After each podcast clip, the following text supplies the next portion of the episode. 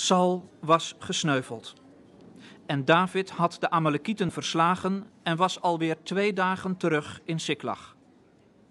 Op de derde dag liet zich iemand uit het legerkamp van Saul aandienen. Hij had zijn kleren gescheurd en stof over zijn hoofd geworpen. Bij David gekomen boog hij diep voorover. Waar komt u vandaan? vroeg David. En de man antwoordde: Uit het legerkamp van Israël. Ik ben ontkomen. Wat is er dan gebeurd? vroeg David ongerust. De soldaten moesten vluchten, vertelde hij. Velen van hen zijn gesneuveld en ook Saul en zijn zoon Jonathan zijn omgekomen. Hoe weet u zo zeker dat Saul en zijn zoon Jonathan dood zijn? vroeg David aan de boodschapper die hem dit was komen vertellen. Ik was heel toevallig op de Gilboa, antwoordde hij, en daar stond Saul, leunend op zijn speer. De strijdwagens en ruiters hadden hem al bijna te pakken. Hij keek om en toen hij mij zag, riep hij me bij zich. Wat kan ik voor u doen, heer? vroeg ik. En hij vroeg: Wie ben jij? Ik ben een Amalekiet, zei ik. En toen zei hij: Kom hier en geef me de genadestoot, want ik leef nog wel, maar de dood heeft mij al in zijn greep.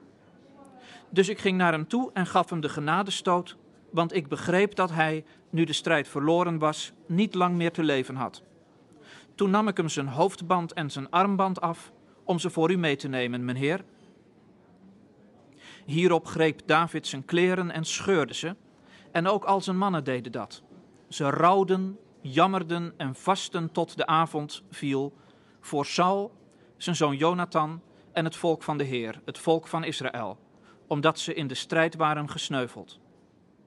David vroeg aan de boodschapper, die hem dit alles was komen vertellen: Waar komt uw familie vandaan? Ik ben een Amalekiet, antwoordde hij. Mijn vader is hier als vreemdeling komen wonen. Daarop vroeg David: Hoe hebt u het gewaagd uw hand op te heffen tegen de gezalfde van de Heer en hem te doden? Hij riep een van zijn dienaren bij zich en beval: Kom hier, dood hem. En de dienaar stak hem dood, terwijl David zei: U hebt uw dood aan uzelf te wijten, want u hebt uzelf met zoveel woorden beschuldigd door te zeggen: Ik heb de gezalfde van de Heer de genadestoot gegeven.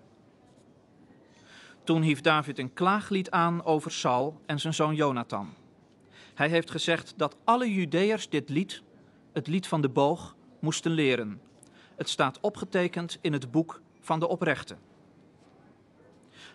Als een gevelde hinde Israël ligt jouw trots gesneuveld op je heuvels. Ach, dat je helden moesten vallen. Maak het niet bekend in Gad. Roep het niet rond in Askelon. Laat niet de Filistijnse vrouwen zich verheugen, de dochters van die onbesnedenen niet juichen. Bergen van Gilboa, draag geen dauw meer. Duld geen regen op je hooggelegen velden.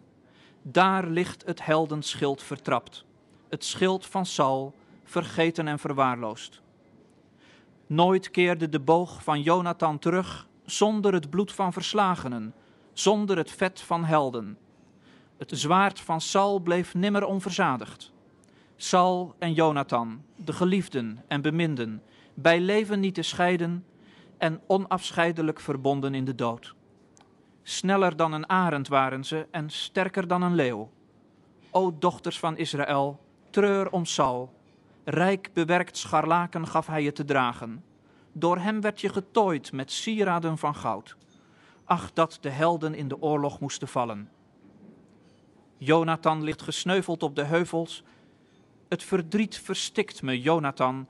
Je was mijn broeder en mijn beste vriend. Jouw liefde was mij dierbaar, meer dan die van vrouwen. Ach, dat de helden moesten vallen, dat jullie wapens in de strijd van Israël verloren moesten gaan.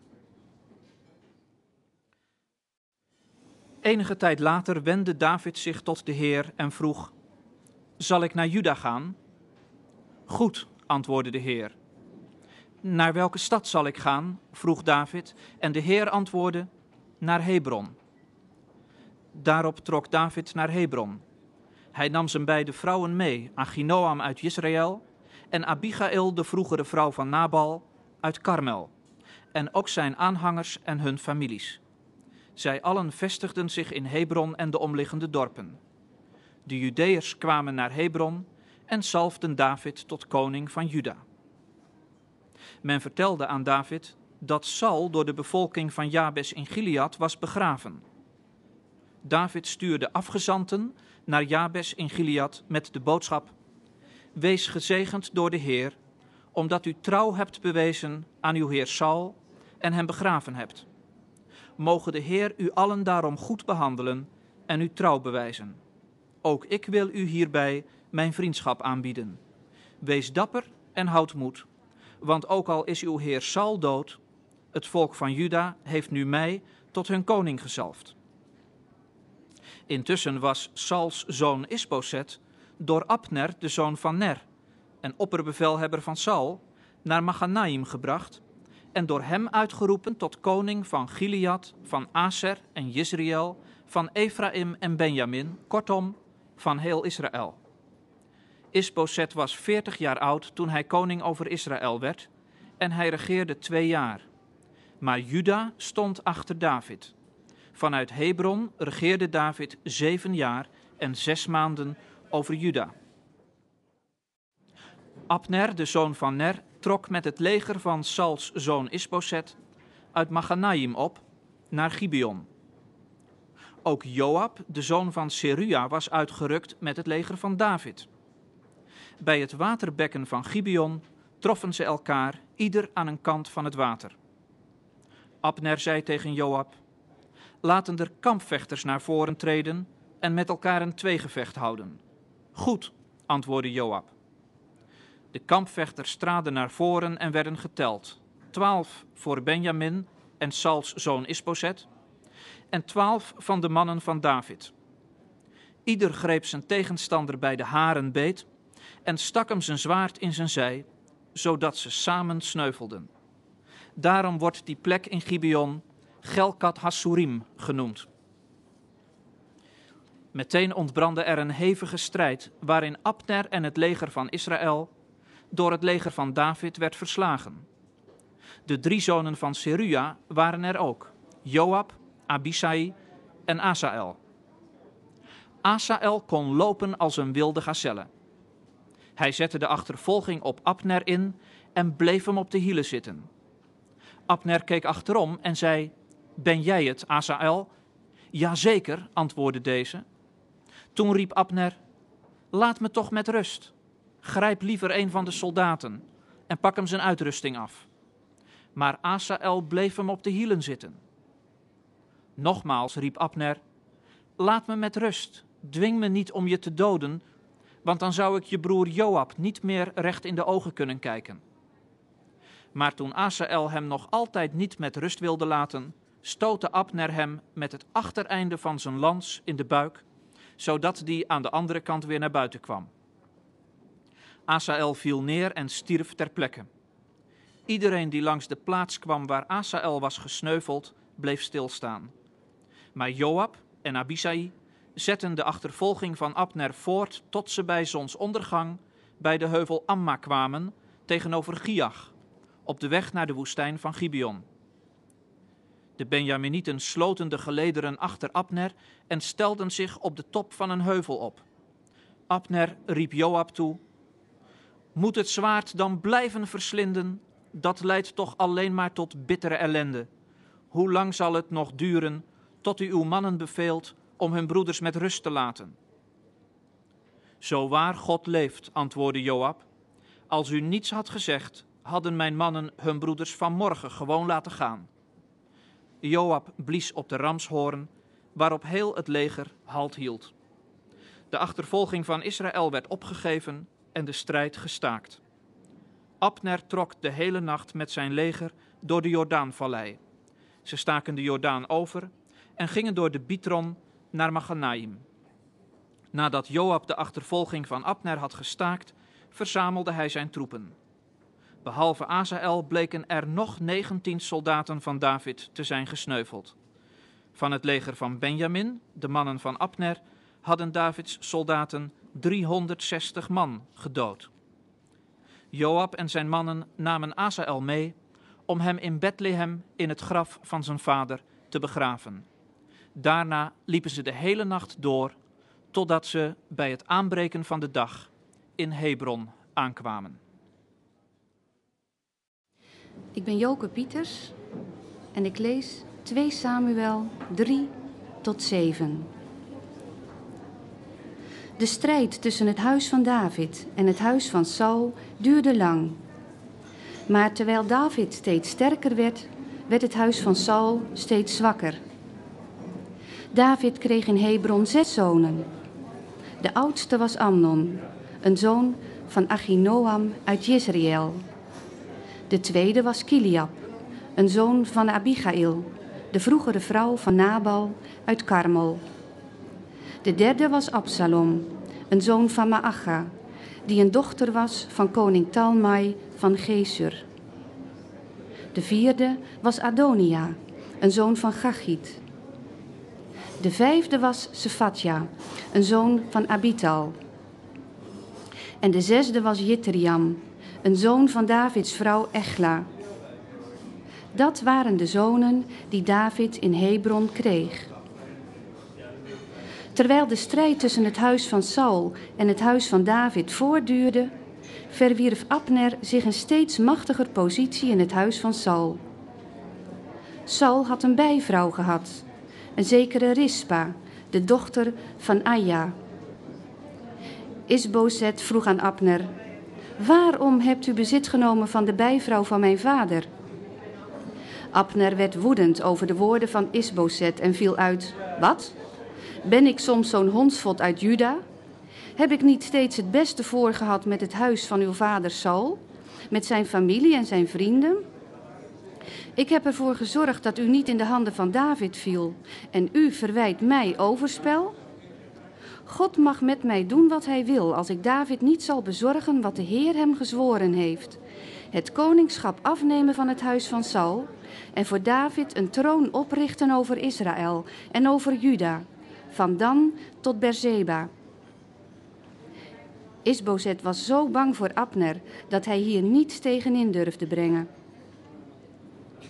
Meteen stuurde Abner afgezanten naar David met de boodschap: Aan wie behoort het land? Sluit met mij een verdrag, dan zal ik u helpen om heel het volk van Israël voor u te winnen. David liet antwoorden: Goed, ik zal met u een verdrag sluiten, maar onder één voorwaarde. Ik zal u alleen ontvangen als u Sauls dochter Michal voor me meebrengt. Hij stuurde ook afgezanten naar Sauls zoon Isbozet met de boodschap: Geef mij mijn vrouw Michal terug, die ik als bruid verworven heb voor de voorhuiden van honderd Filistijnen. Isbozet liet Michal ophalen bij haar man Paltiel, de zoon van Lais. Haar man ging met haar mee en volgde haar in tranen tot aan Bagurim. Pas toen Abner zei: Vooruit, ga naar huis, maakte hij rechtsomkeerd. Abner onderhandelde met de oudsten van Israël. Eigenlijk hebt u altijd David al als koning gewild. Grijp dan nu uw kans, want de Heer heeft David beloofd dat hij door zijn toedoen zijn volk Israël zal redden uit de handen van de Filistijnen en al hun andere vijanden. Abner sprak ook met de Benjaminieten. Daarna ging hij naar Hebron om David mee te delen wat de Israëlieten en ook de stam Benjamin hadden besloten. Hij kwam met twintig afgevaardigden in Hebron aan, waar David voor hen een feestmaal aanrichtte. Abner zei tegen David: Ik stel voor dat ik op weg ga om alle Israëlieten bijeen te brengen onder mijn heer en koning. Zij zullen een verdrag met u sluiten, en u zult koning zijn over heel het gebied dat u verlangt. En David liet Abner ongehinderd vertrekken. Vlak daarop kwam Joab met de mannen van David terug van een strooptocht. Ze brachten een grote buit mee. Abner was niet meer in Hebron, want David had hem ongehinderd laten gaan. Toen Joab met zijn mannen aankwam, hoorde hij dat Abner, de zoon van Ner, bij de koning was geweest en dat die hem ongehinderd had laten vertrekken. Daarop ging Joab naar de koning en vroeg: Wat hebt u gedaan? Abner is naar u toegekomen en u hebt hem zomaar laten gaan? U kent hem toch? Hij is natuurlijk gekomen om u te misleiden en zich op de hoogte te stellen van uw troepenbewegingen en uw plannen.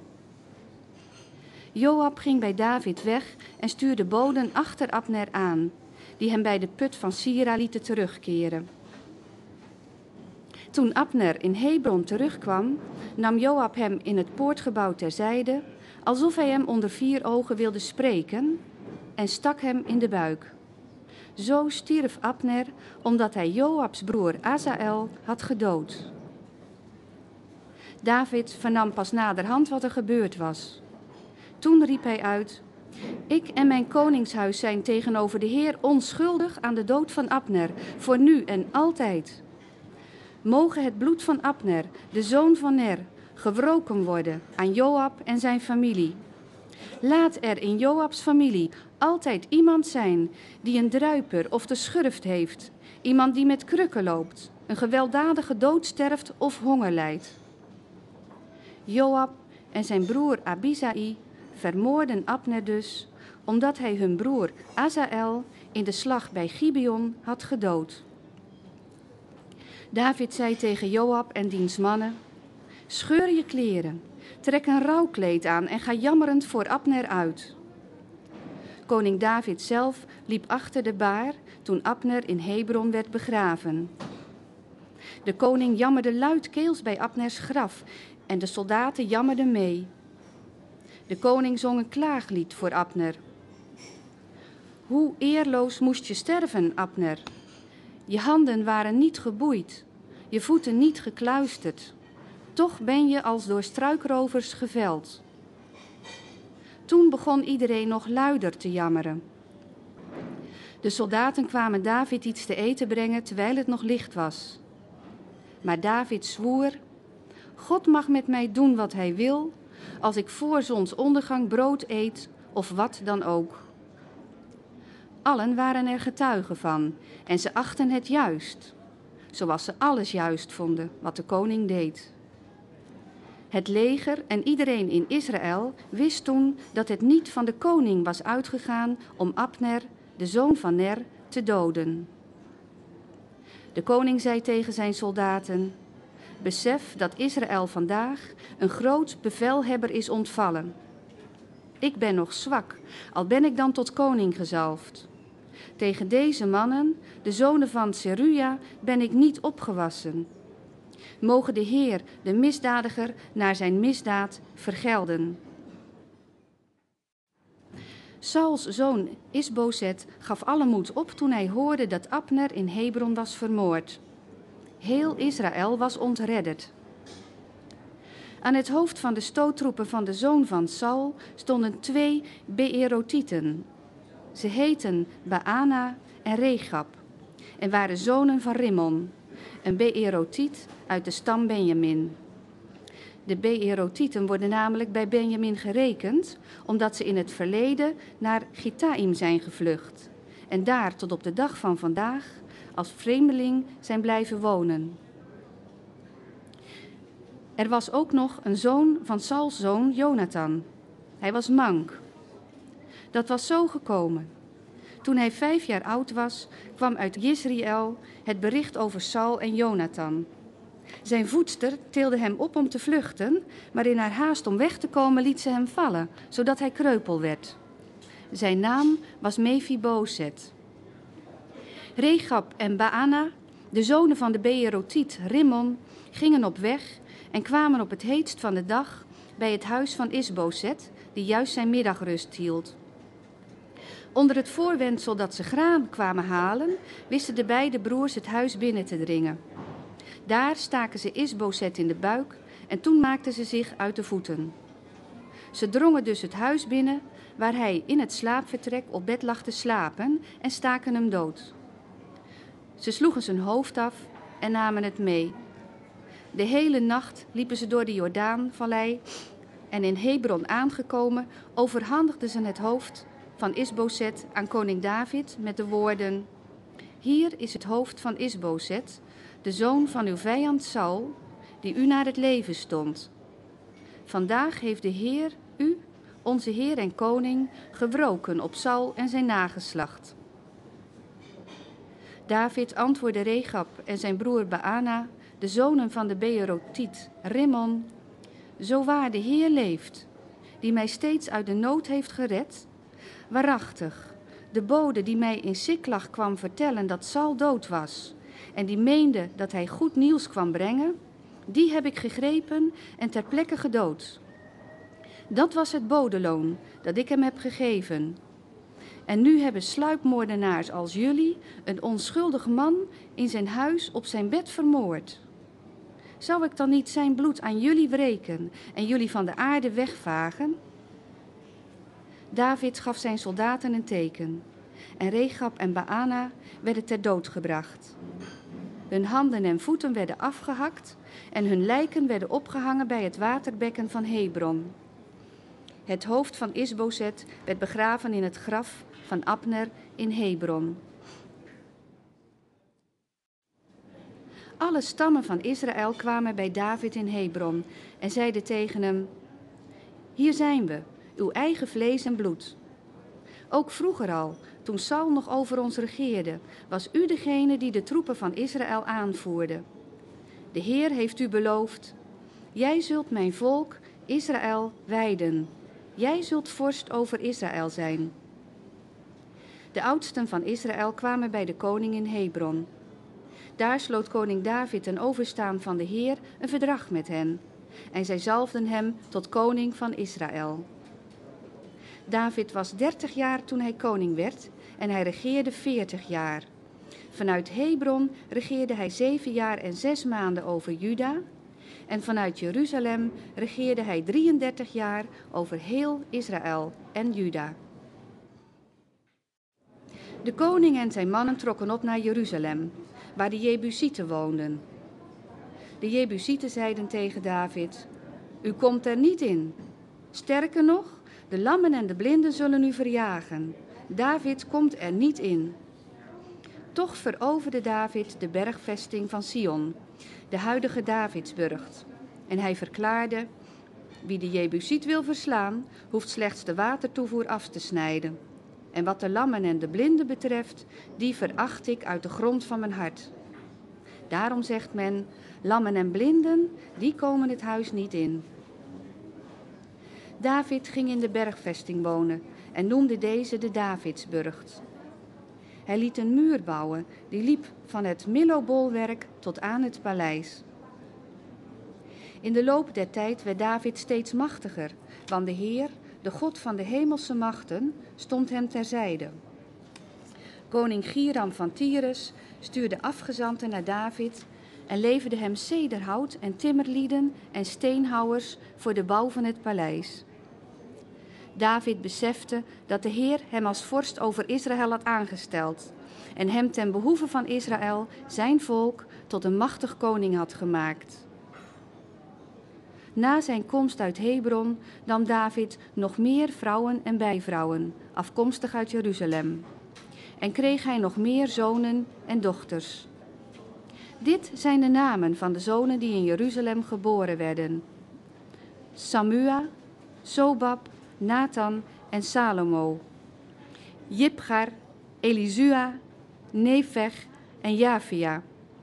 En Elisama, Eliada en Elifelet. Toen de Filistijnen hoorden dat David tot koning van Israël was gezalfd, rukten ze met al hun troepen uit omdat ze hem wilden overmeesteren. Zodra David dit vernam, verschanste hij zich in de bergvesting. De hele vallei van Rephaim stond al vol Filistijnen. David wendde zich tot de Heer en vroeg: Zal ik de Filistijnen aanvallen? Zult u ze aan mij uitleveren? De Heer antwoordde: Ga op hen af. Ik verzeker je dat ik de Filistijnen aan je zal uitleveren. David ging naar Baal Perasim. Daar versloeg hij hen en sprak de woorden: De Heer is voor mij door de vijandelijke linies gebroken, zoals plotseling opkomend water zich een baan breekt. Daarom wordt die plaats Baal Perasim genoemd. De godenbeelden die door de Filistijnen waren achtergelaten, werden door David en zijn soldaten meegenomen. De Filistijnen waagden nog een tweede aanval. Opnieuw stond de hele vallei van Rephaim vol. Opnieuw wendde David zich tot de Heer en deze zei: Ga niet recht op hen af. Maak een omtrekkende beweging tot bij de moerbijbomen en val hen in de rug aan. Zodra je in de boomkruinen het geluid van een aanstormend leger hoort, moet je toeslaan. Want dan gaat de Heer voor je uit om het leger van de Filistijnen te verslaan. David deed wat de Heer hem had bevolen en sloeg de Filistijnen terug van Geba tot Gezer. Weer riep David alle weerbare mannen van Israël bijeen. Het waren er dertigduizend. Hij ging met zijn gevolg op weg om de ark van God op te halen uit Baala in Juda. De ark waaraan een bijzondere naam verbonden is. Die van de Heer van de hemelse machten, die op de Gerub stroont. Ze haalden de ark van God uit het huis van Abinadab, dat op een heuvel ligt, en laden hem op een nieuwe wagen. Abinadab's zonen Uzza en Achio leidden de wagen. Achio liep voor de ark uit. David en de Israëlieten speelden voor de Heer op allerlei muziekinstrumenten van hout en op lieren en harpen, op tamboerijnen, rinkelbellen en cymbalen. Toen ze langs de plek kwamen waar Nagon zijn graan dorste, gingen de ossen daarop af. Uzza stak zijn hand uit en greep de ark van God vast. De Heer ontstak in woede tegen Uzza en strafte hem ter plekke voor zijn onachtzaamheid, zodat hij op slag dood was. David werd kwaad omdat de Heer Uzza had doorkliefd. Hij noemde die plaats Peres Uzza. En zo heet het daar tot op de dag van vandaag. Toen werd David bang voor de Heer en hij vroeg zich af: Hoe kan de ark van de Heer ooit bij mij in Jeruzalem komen? Hij durfde de ark niet meer terug te leiden op de weg naar de Davidsburcht en liet de wagen afslaan naar het huis van Obed-Edom, een Gatiet. De ark van de Heer bleef drie maanden in het huis van Obed-Edom. En de Heer zegende Obed-Edom en zijn hele huishouden. Toen koning David hoorde dat de Heer Obed-Edom en zijn familie en bezittingen had gezegend vanwege de aanwezigheid van de ark van God, ging hij naar het huis van Obed-Edom om de ark feestelijk in te halen in de Davidsburcht. Telkens als de dragers van de ark van de Heer zes passen gedaan hadden, offerde hij een stier en een vetgemeste koe. Vol overgave danste hij voor de Heer, slechts gekleed in een linnen priesterhemd. Onder gejuich en stoten op de ramshoorn brachten David en de Israëlieten de ark van de Heer de berg op. Toen de ark de Davidsburcht werd binnengedragen, stond Michal, de dochter van Saul, al op de uitkijk bij haar venster. Ze zag koning David dansen en springen voor de Heer, en haar hart vulde zich met minachting. De ark van de Heer werd neergezet in de tent die David ervoor had opgericht. En David bracht de Heer brandoffers en vredeoffers. Na afloop daarvan zegende hij het volk in de naam van de Heer van de hemelse machten. Aan heel het volk, aan alle aanwezige Israëlieten, zowel de mannen als de vrouwen, liet hij brood, gedroogde dadels en rozijnen uitdelen. Daarna ging iedereen naar huis. Ook David ging naar huis om zijn familie en bedienden te zegenen. Michal kwam hem tegemoet en zei: De koning van Israël heeft zich vandaag wel bijzonder waardig gedragen. Als de eerste, de beste dwaas, heeft hij zich voor de ogen van zijn slavinnen en onderdanen ontbloot. David antwoordde: Dat deed ik voor de Heer, die mij heeft aangesteld als vorst over het volk van de Heer over Israël. En mij zo heeft verkozen boven jouw vader en heel zijn familie. Voor de Heer danste ik. En al zou ik me nog erger vernederen, al zou ik me zelfs in mijn eigen ogen verlagen, dan nog zou ik in aanzien staan bij de slavinnen over wie je spreekt. Michal, de dochter van Saul, zou kinderloos blijven tot op de dag van haar dood. Nou, ik ben Victor Postuma en ik ga lezen 2 Samuel vers 7 tot en met 12 vers 26. Toen de koning zijn intrek had genomen in het paleis en de Heer hem rust had gegeven door hem van al zijn vijanden te verlossen, zei de koning tegen de profeet Nathan: Kijk nu toch, ik woon in een paleis van cederhout, terwijl de ark van God in een tent staat. Doe wat uw hart u ingeeft, antwoordde Nathan. De Heer staat u immers terzijde. Maar dezelfde nacht richtte de Heer zich tot Nathan. Zeg tegen mijn dienaar, tegen David: Dit zegt de Heer: Wil jij voor mij een huis bouwen om in te wonen? Ik heb toch nooit in een huis gewoond, vanaf de dag dat ik de Israëlieten uit Egypte heb geleid tot nu toe? Al die tijd trok ik rond in tent en tabernakel. Overal heb ik met de Israëlieten rondgetrokken en heb ik ooit aan een van de herders van Israël, die ik had aangesteld om mijn volk te wijden, gevraagd om voor mij een huis van cederhout te bouwen? Wel nu, zeg tegen mijn dienaar, tegen David, dit zegt de Heer van de hemelse machten. Ik heb je achter de kudde vandaan gehaald om mijn volk, Israël, te leiden. Ik heb je bijgestaan in alles wat je ondernam. Ik heb al je vijanden voor je uitgeschakeld en ik heb je naam gevestigd als een van de grote der aarde. Ik heb aan mijn volk Israël een gebied toegewezen. Daar heb ik het geplant en daar kan het nu onbevreesd wonen. Het wordt niet langer door misdadige volken onderdrukt, zoals toen het er pas woonde.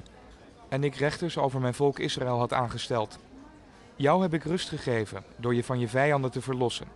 De Heer zegt je dat hij voor jou een huis zal bouwen. Wanneer je leven voorbij is en je bij je voorouders te rusten gaat, zal ik je laten opvolgen door je eigen zoon en hem een bestendig koningschap schenken. Hij zal een huis bouwen voor mijn naam en ik zal ervoor zorgen dat zijn troon nooit wankelt. Ik zal een vader voor hem zijn en hij voor mij een zoon. Als hij zondigt, zal ik hem kastijden met stok en zweepslagen, zoals een vader doet. Maar hij zal nooit bij mij uit de gunst raken, zoals Saul, die ik verstoot omwille van jou. Jou stel ik in het vooruitzicht dat je koningshuis eeuwig zal voortbestaan en je troon nooit zal wankelen. Nathan bracht alles wat hij had gezien en gehoord over aan David. Koning David ging het heiligdom binnen, nam plaats voor de Heer en bad: Wie ben ik, Heer, mijn God? Wat is mijn familie dat u mij zo ver hebt gebracht? En alsof dat nog niet genoeg was, Heer, mijn God, hebt u ook gesproken over de toekomst van mijn koningshuis. Mogen dit de mensheid tot wet worden gesteld, Heer, mijn God? Wat kan ik verder nog zeggen? U kent uw dienaar, Heer, mijn God. U hebt al deze grootste dingen gedaan en ze aan mij bekendgemaakt, omdat u handelt naar uw woord en u houdt aan wat u zich hebt voorgenomen. Daarom bent u groot, Heer, mijn God. Het is zoals ons altijd is voorgehouden. Zoals u is er geen. Er bestaat geen andere God dan u. En wie kan zich meten met Israël, uw volk? Het is het enige volk op aarde waarvoor een God zich heeft ingezet om het vrij te kopen en tot zijn volk te maken. Om zo voor zichzelf een naam te vestigen door middel van grootse en indrukwekkende daden. Omwille van uw volk dat u hebt bevrijd, hebt u vreemde volken en hun goden op de vlucht gedreven. U hebt uw volk Israël voor altijd aan u toegewijd en u, Heer, bent hun tot God. Wel nu, Heer mijn God, houdt u dan ook aan de belofte die u aan mij en mijn koningshuis hebt gedaan en doe uw woord voor altijd gestand. Dan zal uw naam voor altijd in ere worden gehouden en zal men zeggen, de Heer van de hemelse machten is God over Israël. En dan zal het koningshuis van uw dienaar David altijd stand houden.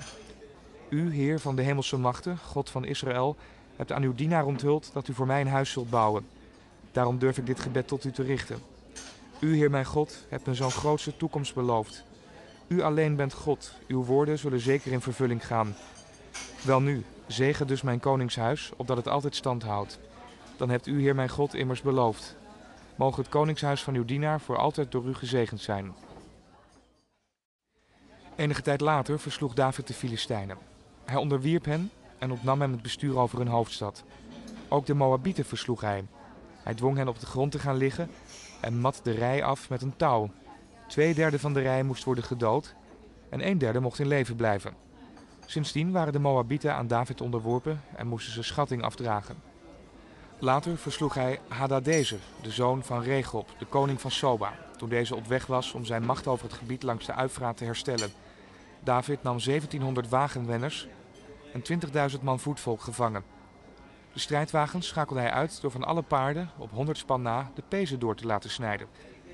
Van de Armeeërs uit de buurt van Damascus, die koning Hadadezer van Soba te hulp kwamen, versloeg David er 22.000. Vervolgens bezette hij strategische punt in het rijk van Damascus. Sindsdien waren de Arameërs aan hem onderworpen en moesten ze schatting afdragen. De Heer stond David bij in alles wat hij ondernam. David nam de gouden schilden van de lijfwachten van Hadadezer in beslag en nam ze mee naar Jeruzalem. Uit Betach en Berotai, steden die aan Hadadezer toebehoorden, bracht hij een grote hoeveelheid koper mee. Toen koning Toi van Hamat hoorde dat David het leger van Hadadezer had verslagen, liet hij zijn zoon Joram zijn opwachting maken bij koning David en hem gelukwensen met zijn overwinning. Toi was namelijk in oorlog met Hadadezer. Joram had geschenken bij zich van goud, zilver en koper. Koning David wijde deze geschenken aan de Heer, samen met het goud en zilver van de volken die hij had onderworpen. De Arameërs, de Moabieten, de Ammonieten, de Filistijnen en de Amalekieten. En van Hadadezer, de koning van Soba. Toen David na zijn overwinning op de Arameërs terugkeerde, breidde hij zijn roem nog uit door de Edomieten in de Zoutvallei te verslaan, 18.000 man. Overal in Edom bezette hij strategische punten en sindsdien waren de Edomieten aan David onderworpen. De Heer stond David bij in alles wat hij ondernam. David regeerde over heel Israël. Hij behandelde zijn onderdanen goed en rechtvaardig. Joab, de zoon van Seruja, was opperbevelhebber van het leger. Josafat, de zoon van Achilud, was kanselier. Sadok, de zoon van Achitub, en Abiatar, de zoon van Achimelech, waren priester. Seraya was hofschrijver. Benaja, de zoon van Jojada, was bevelhebber van de Keretieten en Peletieten. Davids zonen waren ook priester. David vroeg, is er nog iemand over van de familie van Saul? Die zal ik dan goed behandelen. Dat ben ik aan Jonathan verplicht. Nu was er bij de familie van Saul een zekere Siba in dienst. Hij werd bij David geroepen en de koning zei tegen hem, Bent u Siba? Uw dienaar, heer, antwoordde hij. De koning vroeg hem, Is er nog iemand over van de familie van Saul?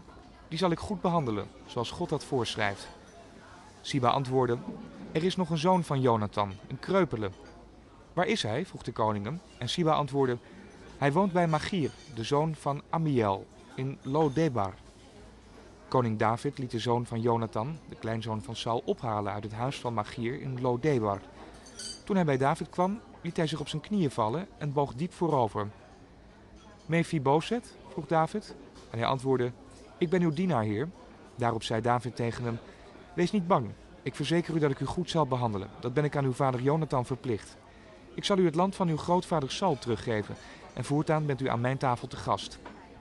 Opnieuw boog Mephibosheth en hij zei, wie ben ik, heer, dat u zich bekommert om een dode hond als ik? Toen liet de koning Siba komen, de dienaar van Saul, en zei tegen hem, alles wat aan Saul en zijn familie behoorde, geef ik aan de kleinzoon van uw meester. U zult voor hem de grond bewerken, samen met uw zonen en knechten, en de opbrengst afdragen aan de kleinzoon van uw meester, zodat hij ervan leven kan. En Mephibosheth, de kleinzoon van uw meester, is voortaan aan mijn tafel te gast. Siba antwoordde de koning, zoals u beveelt, mijn heer en koning, het zal gebeuren.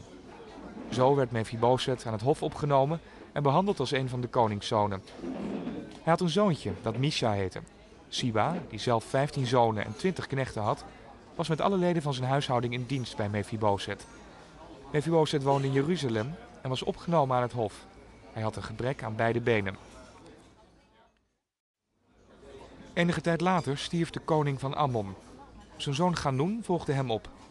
Toen zei David: Ik wil Ganun, de zoon van Nagas, op gepaste wijze behandelen, zoals zijn vader mij behandeld heeft. En hij stuurde afgezanten om hem zijn deelneming te betuigen met het verlies van zijn vader. Toen Davids afgezanten in Ammon waren aangekomen, zeiden de raadsheren van Ammon tegen hun vorst: Dacht u dat David u zijn deelneming laat overbrengen, omdat hij de nagedachtenis van uw vader wil eren? Die afgezanten van hem zijn natuurlijk spionnen die de stad moeten verkennen, zodat hij haar te gronden kan richten. Daarop liet Ganoen Davids afgezanten oppakken. Hij liet één kant van hun baard afscheren en de onderkant van hun kleren afschuren tot op hun achterste en stuurde ze weg. Toen koning David dit hoorde, liet hij aan de diep vernederde mannen de volgende boodschap overbrengen. Blijf in Jericho en kom pas terug wanneer uw baard is aangegroeid. De Ammonieten beseften dat ze zich bij David onmogelijk hadden gemaakt. Daarop wierven ze huurlingen. 20.000 man voetvolk bij de Arameërs van Regob en Soba. 1000 man bij de koning van Maaga en nog eens 12.000 bij Istop. Toen dit David ter oren kwam, stuurde hij Joab met zijn keurtroepen naar Rabba. De Ammonieten rukten uit en stelden zich in slagorde op voor de poort. De Arameërs van Soba en Regob en de mannen van Istop en Maaga betrokken stellingen elders in het veld. Joab, die zag dat hij op twee fronten werd bedreigd, koos de allerbeste soldaten van Israël uit en stelde deze op tegen de Arameërs. De rest van de soldaten plaatste hij onder bevel van zijn broer Abisai en stelde hij op tegen de Ammonieten. Daarbij zei hij: Als de Arameërs sterker blijken dan ik, kom mij te hulp. En als de Ammonieten sterker blijken dan jij, zal ik jou helpen. Wees sterk. Laten we onze krachten bundelen omwille van ons volk en de steden van onze God. De Heer zal doen wat hij het beste vindt. Zodra Joab met zijn soldaten de aanval opende, sloegen de Arameërs op de vlucht. Toen de Ammonieten zagen dat de Arameërs waren gevlucht, maakten ze zich voor Abisai uit de voeten en trokken ze zich terug in de stad. Joab staakte de strijd tegen Ammon en ging terug naar Jeruzalem. De Arameërs beseften dat ze door Israël verslagen waren en zochten versterking. Hadadezer deed een beroep op de Arameërs die aan de overkant van de Uifraat woonden en liet ze naar Gelam oprukken onder aanvoering van zijn opperbevelhebber Sobach. Toen David hiervan hoorde, verzamelde hij alle troepen van Israël en trok de Jordaan over naar Gelam. De Arameërs stelden zich tegenover David op en vielen hem aan. De Israëlieten joegen hen op de vlucht en David doodde 700 Arameese wagenmenners en 40.000 ruiters. Ook opperbevelhebber Sobach werd door hen getroffen en gedood. De vazallen van Hadadezer moesten zich bij hun nederlaag neerleggen. Ze sloten vrede met Israël en onderwierpen zich. De Arameërs waagden het voortaan niet meer om de Ammonieten te hulp te komen.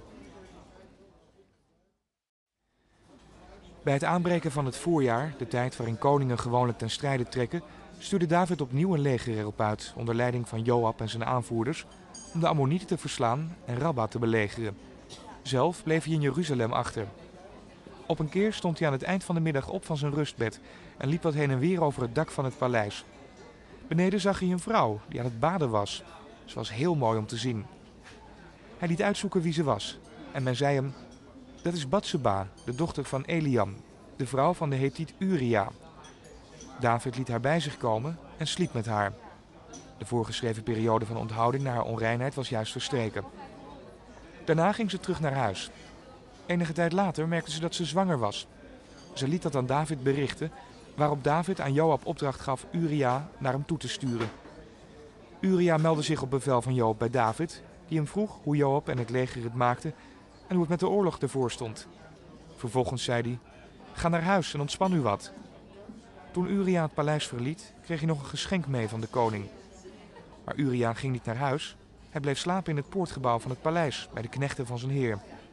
Toen men David verteld had dat Uria niet naar huis was gegaan, zei hij tegen hem: U hebt toch een lange reis achter de rug? Waarom bent u niet naar huis gegaan? Uria antwoordde: De ark en het leger van Israël en Juda zijn ondergebracht in hutten.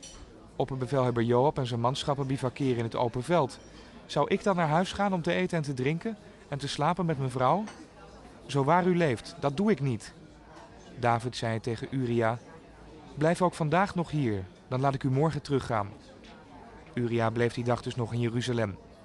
De dag daarop nodigde David hem bij zich aan tafel en voerde hem dronken. Toch ging Uria s'avonds niet naar huis, maar legde hij zich opnieuw te slapen bij de knechten van zijn heer. De volgende morgen schreef David Joab een brief die hij aan Uria meegaf. In de brief stond: Stel Uria op waar het hevigst wordt gevochten en geef hem geen rugdekking, opdat hij wordt getroffen en sneuvelt. Joab onderzocht waar de verdediging het sterkst was en stelde Uria juist daar op. De verdedigers van de stad deden een uitval naar Joab. Er vielen slachtoffers onder de soldaten van David en ook Uria vond de dood. Joab liet aan David verslag uitbrengen van de strijd en beval de bode: Als je de koning het hele verloop van de strijd hebt verteld en als hij dan woedend tegen je uitvalt, waarom hebben jullie je zo dicht bij de stad gewaagd? Jullie konden toch weten dat ze vanaf de muur zouden schieten? Zijn jullie soms vergeten hoe Abimelech, de zoon van Jerubeset, in Thebes aan zijn einde is gekomen? Een vrouw heeft toen vanaf de stadsmuur een maalsteen op zijn hoofd gegooid, zodat hij stierf. Waarom hebben jullie dan zo dicht bij de muur gewaagd? Dan moet je zeggen, ook uw bevelhebber Uria is omgekomen. De bode ging naar David en vertelde hem alles wat Joab hem had opgedragen. Hij zei tegen David, onze tegenstanders waren sterker dan wij en deden een uitval naar ons. We dreven ze terug tot voor de poort. Maar toen namen de boogschutters ons vanaf de muur onder schot en sneuvelden er soldaten van de koning. Ook uw bevelhebber Uria is omgekomen. David droeg de bode op om tegen Joab te zeggen: U moet er maar niet te slecht over oordelen. De oorlog eist nu eenmaal zijn tol. Houd moed. Heropen de aanval op de stad en maak haar met de grond gelijk. De vrouw van Uria kreeg bericht dat haar man was gesneuveld en ze treurde om haar echtgenoot. Toen de rouwtijd voorbij was, nam David haar bij zich aan het hof. Ze werd zijn vrouw en baarde hem een zoon. Naar het oordeel van de Heer was het wel degelijk slecht wat David had gedaan. Hij stuurde de profeet Nathan naar David toe om hem het volgende te vertellen. Er woonden eens twee mannen in dezelfde stad, een rijke en een arme. De rijke man had heel veel geiten, schapen en runderen. De arme man had niet meer dan één lammetje kunnen kopen. Hij koesterde het en het groeide bij hem op samen met zijn kinderen. Het at van zijn brood en dronk uit zijn beker en sliep in zijn schoot. Hij had het lief als een dochter. Op zekere dag kreeg de rijke man een gast op bezoek. Hij kon het niet over zijn hart verkrijgen om de reiziger een van zijn eigen geiten, schapen of runderen voor te zetten. Daarom nam hij het lammetje van de arme man en zette dat zijn gast voor. David ontstak in woede over de rijke man en zei tegen Nathan: Zo waar de Heer leeft, de man die zoiets doet, verdient de dood. Viervoudig moet hij het lam vergoeden, omdat hij zich zo harteloos heeft gedragen. Toen zei Nathan: Die man, dat bent u. Dit zegt de Heer, de God van Israël. Ik was het die je zalfde tot koning van Israël. Ik was het die je redde uit de greep van Saul. Haven en goed van je Heer en de vrouwen van je Heer erbij heb ik jou in de schoot geworpen. De heerschappij over Israël en Juda heb ik aan jou overgedragen. Als dat je te weinig is, zal ik er dan nog het een en ander aan toevoegen? Waarom heb je dan mijn geboden met voeten getreden door iets te doen dat slecht is in mijn ogen? De Hethiet Uria is er jouw toedoen gedood. Je hebt hem zijn vrouw afgenomen en hem in de strijd tegen de Ammonieten laten vermoorden. Welnu, voortaan zullen moord en doodslag in je koningshuis om zich heen grijpen, omdat je mij hebt getrotseerd en de vrouw van Uria tot vrouw hebt genomen. Dit zegt de Heer: Je eigen familie zal een bron van ellende voor je worden. Je zult moeten aanzien dat ik je vrouwen aan een ander geef, aan iemand van je eigen familie. Die zal met je vrouwen slapen op klaarlichte dag. Jij hebt in het diepste geheim gehandeld, maar ik zal dit laten gebeuren ten overstaan van heel Israël en in het volle daglicht. David antwoordde Nathan: Ik heb gezondigd tegen de Heer. Toen zei Nathan: De Heer vergeeft u die zonde. U zult niet sterven. Maar omdat u de vijanden van de Heer aanleiding hebt gegeven tot laster, moet wel uw pasgeboren zoon sterven. Daarop ging Nathan naar huis.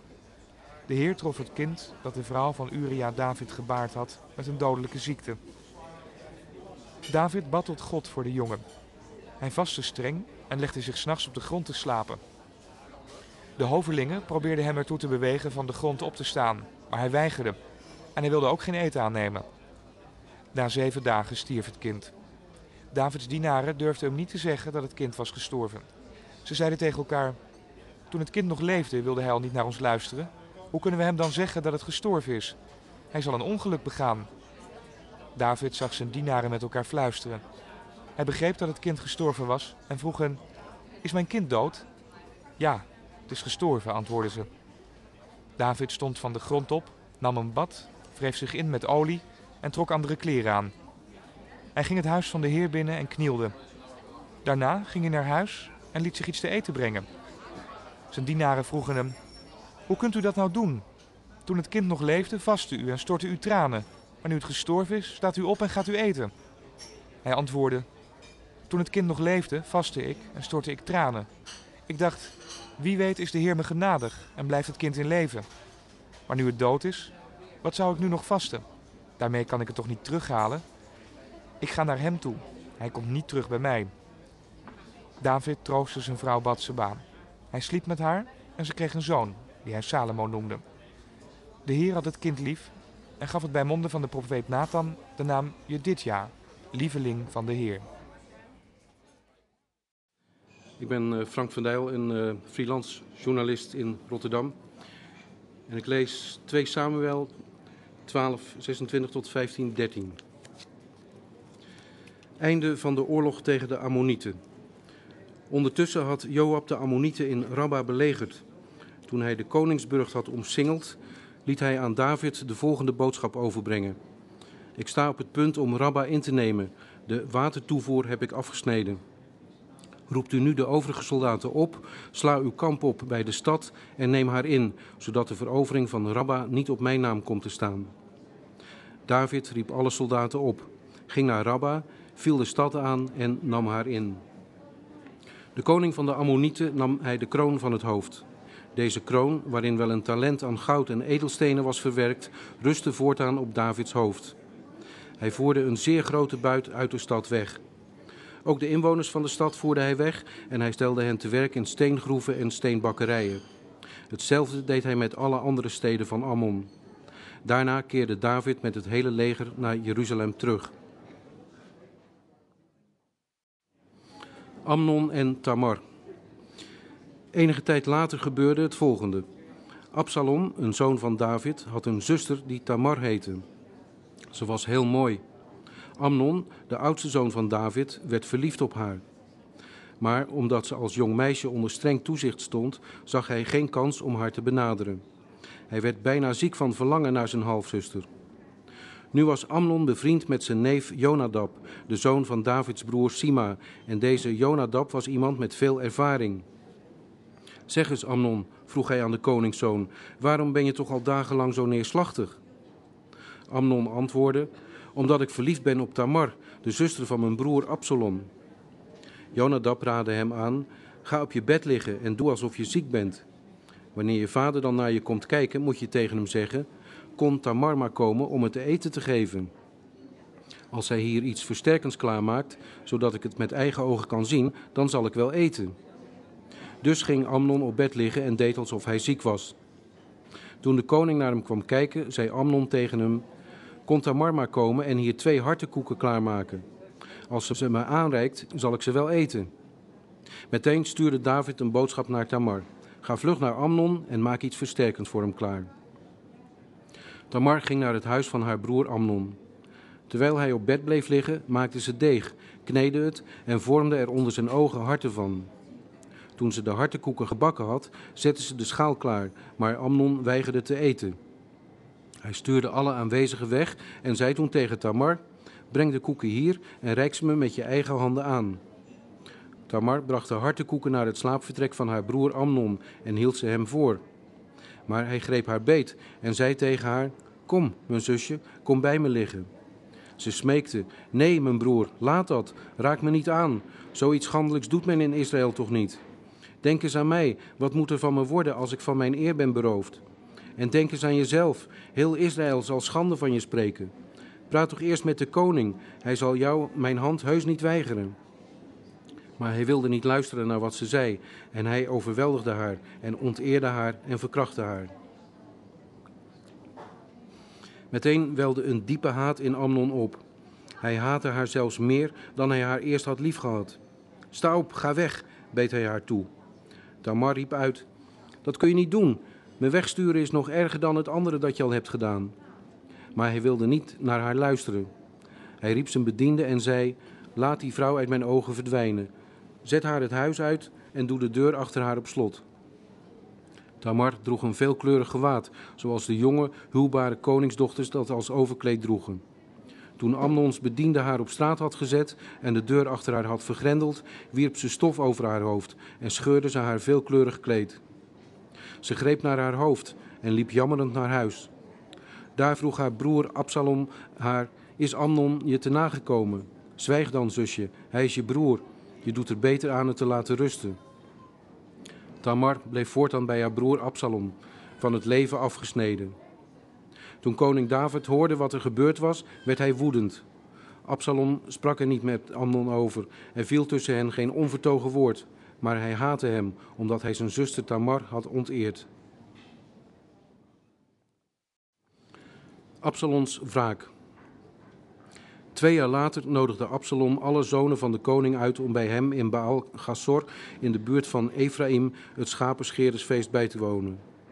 Hij ging naar de koning en vroeg: Ze zijn bij mij de schapen aan het scheren. Mag ik u en de uwe vragen onze gasten te zijn? De koning antwoordde: Nee, mijn zoon, laten we dat maar niet doen. We zouden je met z'n allen tot last zijn. Hoe Absalom ook aandrong, de koning bleef bij zijn weigering en wilde al afscheid nemen. Toen zei Absalom: Als u niet wilt komen, laat hij mijn broer Amnon met ons meegaan. Waarom dan toch? vroeg de koning. Maar Absalom bleef aandringen en tenslotte stuurde de koning Amnon en de andere koningszonen met hem mee. Toen beval Absalom zijn dienaren: Let op, wanneer de wijn Amnon naar het hoofd gestegen is en ik tegen jullie zeg: Sla Amnon dood, dan moeten jullie hem doden. Jullie hoeven niets te vrezen, want ik heb het jullie zelf bevolen. Houd je flink en aarzel niet. Zodra Absaloms dienaren met Amnon hadden gedaan zoals Absalom bevolen had, stonden alle koningszonen op, sprongen op hun muildieren en maakten dat ze wegkwamen. Terwijl ze nog onderweg waren, bereikte David het gerucht dat Absalom alle koningszonen had gedood en dat niet één van hen ontkomen was. De koning stond op, scheurde zijn kleren en wierp zich op de grond. De hele hofhouding stond met gescheurde kleren om hem heen. Toen nam Jonadab, de zoon van Davids broer Sima, het woord en zei: Het is niet waar dat alle jongens, al uw zonen zijn gedood, mijn heer en koning. Alleen Amnon is dood. Vanaf de dag dat Amnon zijn zuster Tamar had onteerd, beschouwde Absalom het immers als zijn plicht om hem te doden. Neem het gerucht dat al uw zonen zijn gedood dus niet ernstig, want alleen Amnon is dood. Even later meldde de wachtpost, die op de uitkijk stond, dat hij in de verte vanuit de bergen een grote menigte zag aankomen. Absalom had inmiddels een veilig heenkomen gezocht. Jonadab zei tegen de koning: Ziet u wel, daar komen de koningszonen. Wat heb ik u gezegd? Hij was nog niet uitgesproken, of inderdaad, daar kwamen de koningszonen al aan. Ze begonnen luidkeels te jammeren, en ook de koning en alle hovelingen schreeuwden het uit van verdriet. Ondertussen vond Absalom een veilig heenkomen bij Talmai, de zoon van Ammichur, de koning van Gesur, terwijl David bleef rouwen over zijn zoon. Absalom grijpt naar de macht. Enige tijd later liep Absalom een wagen maken, schafte zich paarden aan en nam een escorte van vijftig man in dienst. Elke ochtend vroeg stelde hij zich op bij de stadspoort. Hij sprak iedereen aan die op weg was naar de koning om een uitspraak te vragen in een rechtsgeschil. Waar komt u vandaan? vroeg hij dan. En wanneer het antwoord luidde uit dat en dat stamgebied van Israël, dan zei Absalom: Hoor eens, ook al hebt u volkomen gelijk, bij de koning zult u geen gehoor vinden. En hij vervolgde: Waarom word ik niet aangesteld tot rechter van dit land? Ik zou iedereen in het gelijk stellen die een geschil of een rechtsvordering aan me kwam voorleggen. Wanneer zo iemand dan voor Absalom wilde neerknielen, breidde Absalom zijn armen uit en omhelsde hem. Zo trad hij iedereen uit Israël tegemoet die een uitspraak kwam vragen bij de koning, en op die manier palmde hij het volk van Israël in. Toen er vier jaar verstreken waren, zei Absalom tegen de koning: Ik vraag u toestemming om naar Hebron te gaan en de gelofte in te lossen die ik de Heer heb gedaan. Ik heb tijdens mijn verblijf te Gesur in Aram namelijk aan de Heer beloofd dat ik hem eer zou bewijzen wanneer hij ervoor zorgde dat ik in Jeruzalem terugkeerde. De koning antwoordde: Ga gerust. Absalom ging op weg naar Hebron. Eerst stuurde hij echter handlangers naar alle stamgebieden van Israël met de boodschap: Zodra het geluid van de ramshoorn klinkt, moeten jullie dit bekendmaken. Absalom is in Hebron tot koning uitgeroepen. 200 genodigden uit Jeruzalem vergezelden Absalom op weg naar Hebron. Ze gingen niets vermoedend en volkomen te goede trouw met hem mee. Ook Achitophel, de raadsheer van David, liet hij voor het offermaal overkomen uit diens woonplaats Gilo. Steeds meer mensen sloten zich bij Absalom aan. Zo ontstond een wijdvertakte samenzwering. Toen David bericht kreeg dat het volk van Israël de kant van Absalom had gekozen, zei hij tegen zijn hovelingen: Kom, we moeten vluchten, willen we aan Absalom ontkomen. Snel, we moeten hem voorblijven. Want als hij ons hier in Jeruzalem overvalt, zal hij een bloedbad aanrichten, en is het met ons gedaan. Zoals u wilt, mijn heer en koning, antwoordden de hovelingen, wij staan tot uw beschikking. De koning vertrok en zijn hele hofhouding volgde hem. Hij liet echter tien van zijn bijvrouwen achter om voor het huis te zorgen. De koning vertrok en al zijn soldaten volgden hem. In Bet Hamertjak hielden ze halt. Nadat de lijfwacht van Keretieten en Peletieten aan de koning voorbijgetrokken was, kwamen ook 600 Gatieten voorbij die zich bij hem hadden aangesloten. De koning zei tegen hun leider Itai, maar u hoeft toch niet met ons mee te gaan? Keer terug en voeg u bij de nieuwe koning. U bent immers een vreemdeling, verbannen uit uw eigen woonplaats. U bent pas onlangs aangekomen. Dan kan ik toch niet van u verlangen dat u weer met ons meegaat? Ik weet zelf niet eens waar ik terecht zal komen. Keer terug en neem uw mensen met u mee. Mogen de Heer u goed en welwillend behandelen. Maar Ittai antwoordde, zo waar de Heer leeft en zo waar u leeft, mijn Heer en Koning, ik zal u volgen waar u ook gaat, in leven of dood. Goed, zei David tegen Ittai, u kunt meegaan. Daarop ging Ittai weer verder met iedereen die bij hem was, mannen, vrouwen en kinderen. Het volk jammerde luidkeels terwijl het leger voorbij trok. Toen de koning de Kidron overstak en het leger de weg naar de woestijn insloeg, zag hij Sadok, die samen met de levieten de ark van het verbond met God droeg. Ze zetten de ark van God neer en Abjatar bracht brandoffers tot iedereen die vanuit de stad voorbijgetrokken was. De koning zei tegen Sadok, breng de ark van God weer terug naar de stad. Als de Heer me gunstig gezind is, zal hij zorgen dat ik terugkeer en de ark terugzie op zijn eigen plaats. Maar als de Heer mij afwijst, dan zal ik me daarbij neerleggen. Hij mag met me doen wat hij het beste vindt. En hij vervolgde, u en Abjatar kunnen gerust teruggaan naar de stad en dan uw zonen Achimaïs en Jonathan met u meenemen. Ikzelf zal wachten in de woestijn, waar men de Jordaan kan oversteken tot ik bericht van u krijg. Sadok en Abjatar brachten de ark van God dus terug naar Jeruzalem en bleven in de stad. David ging de helling van de Olijfberg op. Jammerend klom hij naar boven, zijn hoofd bedekt en barrevoets. Allen die met hem meegingen, hadden hun hoofd bedekt en klommen jammerend naar boven. Toen kreeg David bericht dat Achitofel zich bij de samenzwering van Absalom had gevoegd en hij riep uit, Ach heer, verijdel toch de plannen van Achitofel. Toen David de gebedsplaats op de top van de berg had bereikt, kwam de arkiet Gusai hem tegemoet. Hij had zijn kleren gescheurd en stof over zijn hoofd geworpen. David zei tegen hem, Als u met me meegaat, bent u me alleen maar tot last.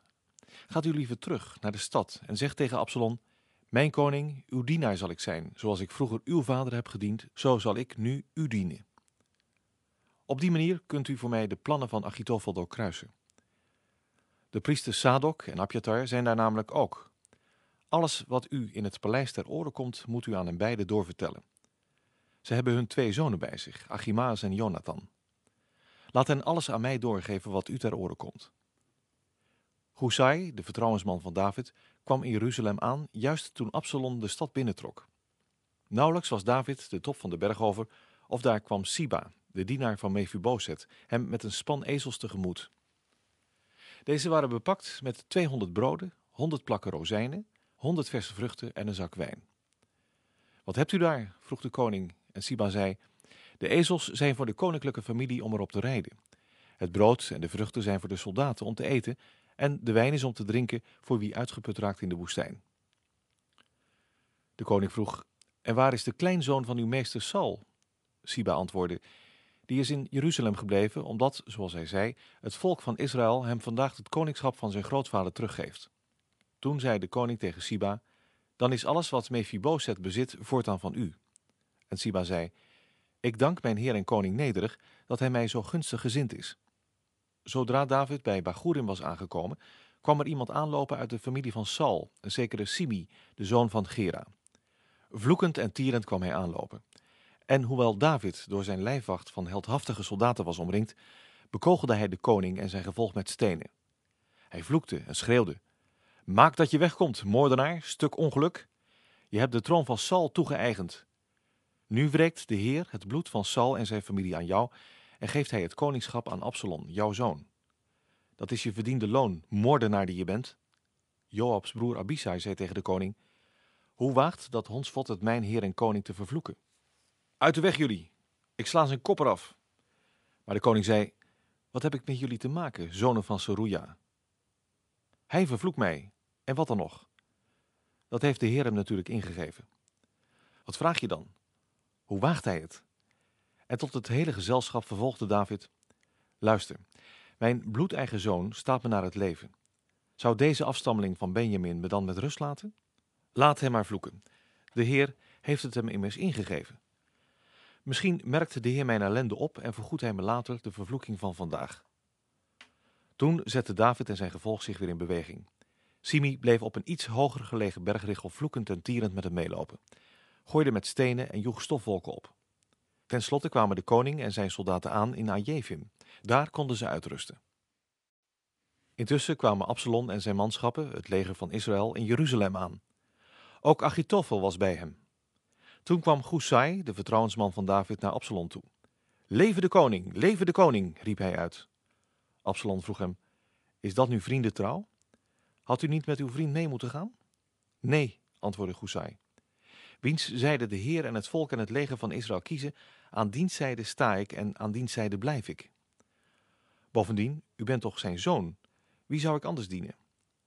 Zoals ik vroeger in dienst stond van uw vader, zo zal ik ook u van dienst zijn. Daarna wendde Absalom zich tot Achitofel. Geeft u ons raad. Hoe moet het nu verder? Achitofel sprak, ga naar de bijvrouwen die uw vader heeft achtergelaten om voor het huis te zorgen. Dan zal heel Israël vernemen dat u uw vader hebt vernederd en zullen al uw aanhangers moed vatten. Dus werd er voor Absalom een tent neergezet op het dak van het paleis en voor de ogen van Israël nam Absalom bezit van de bijvrouwen van zijn vader. In die dagen nam men een raadgeving van Achitofel evenzeer ter harte als wanneer men God zelf om een uitspraak vroeg. Dat gold voor elke raad van Achitofel, zowel voor David als voor Absalom. Achitofel zei tegen Absalom, laat mij twaalfduizend mannen uitkiezen en achter David aangaan, vannacht nog. Ik zal hem overrompelen wanneer hij uitgeput is en de moed laat zinken, zodat al zijn soldaten op de vlucht slaan. Ik zal alleen de koning doden en het leger naar u terugsturen. De dood van de man die u naar het leven staat, betekent immers dat het leger kan terugkeren. Allen zullen ongedeerd blijven. Dit voorstel vond instemming bij Absalom en de oudste van Israël. Toch liet Absalom ook de arkiet Gusai roepen. Laten we horen wat hij ervan denkt. Toen Gusai bij Absalom kwam, vroeg deze hem: Dit is het voorstel van Achitofel. Moeten we doen wat hij zegt, of denkt u er anders over? Gusai antwoordde: Ditmaal is de raad die Achitofel gegeven heeft niet goed. En hij vervolgde: U kent uw vader en zijn mannen. U weet het zijn heldhaftige soldaten. Bovendien zijn ze verbitterd, als een berin die beroofd is van haar jongen. Uw vader is trouwens een ervaren krijgsman. Hij zal de nacht niet doorbrengen bij zijn manschappen. Hij houdt zich natuurlijk ergens schuil, in een spelonk of op een andere goede plek. Wanneer hij dan als eerste aanvalt, zal zich het gerucht verspreiden dat er een slachting is aangericht onder de aanhangers van Absalom. Zelfs wie zo dapper is als een leeuw zal sidderen, want heel Israël weet dat uw vader een held is en zijn aanhangers dappere krijgers. Daarom raad ik u aan, roep alle mannen van Israël op, van Dan tot Beersheba, talrijk als zandkorrels aan de zee, en trek zelf mee ten strijde. Waar hij ook is, we zullen hem vinden. We zullen hem overvallen zoals dauw op de aarde valt. Dan zal er van hem en zijn aanhangers niet één in leven blijven. En mocht hij zich in een of andere stad verschansen, dan laten we uit heel Israël touwen aandragen en slepen we die stad het ravijn in tot er geen steen meer van over is. Absalom en de Israëlieten vonden de raad van Gusai beter dan die van Achitofel. Zo beschikte de Heer dat het goede krijgsplan van Achitofel werd verijdeld omdat hij Absalom ten gronde wilde richten. Gusai vertelde aan de priesters Sadok en Abjatar welke raad Achitofel aan Absalom en de oudste van Israël had gegeven en wat hij zelf had aangeraden. Toen zei hij, zend zo snel mogelijk bericht naar David dat hij de nacht niet doorbrengt aan deze kant van de Jordaan, maar onmiddellijk oversteekt. Anders worden hij en iedereen die bij hem is van de aardebodem weggevaagd.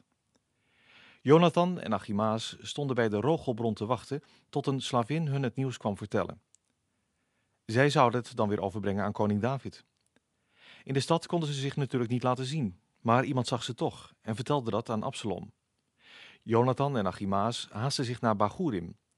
Daar kwamen ze bij een man die op het erf van zijn huis een put had waarin ze zich verstopten. Zijn vrouw spreidde een zak over de opening van de put en strooide daar gerst over uit, zodat er niets te zien was. Toen de mannen van Absalom bij het huis aankwamen, vroegen ze haar: Waar zijn Achimaas en Jonathan? Die zijn aan de overkant van het bevloeiingskanaal verder gegaan, antwoordden ze. De mannen zochten, maar ze konden hen niet vinden en keerden terug naar Jeruzalem. Toen ze waren verdwenen, klommen Jonathan en Achimaas weer uit de put. Ze gingen naar koning David en brachten hem het bericht over. Snel, steek onmiddellijk het water over, want Achitofel heeft aangeraden u te overrompelen. David en het volk dat bij hem was, begon onmiddellijk de Jordaan over te steken.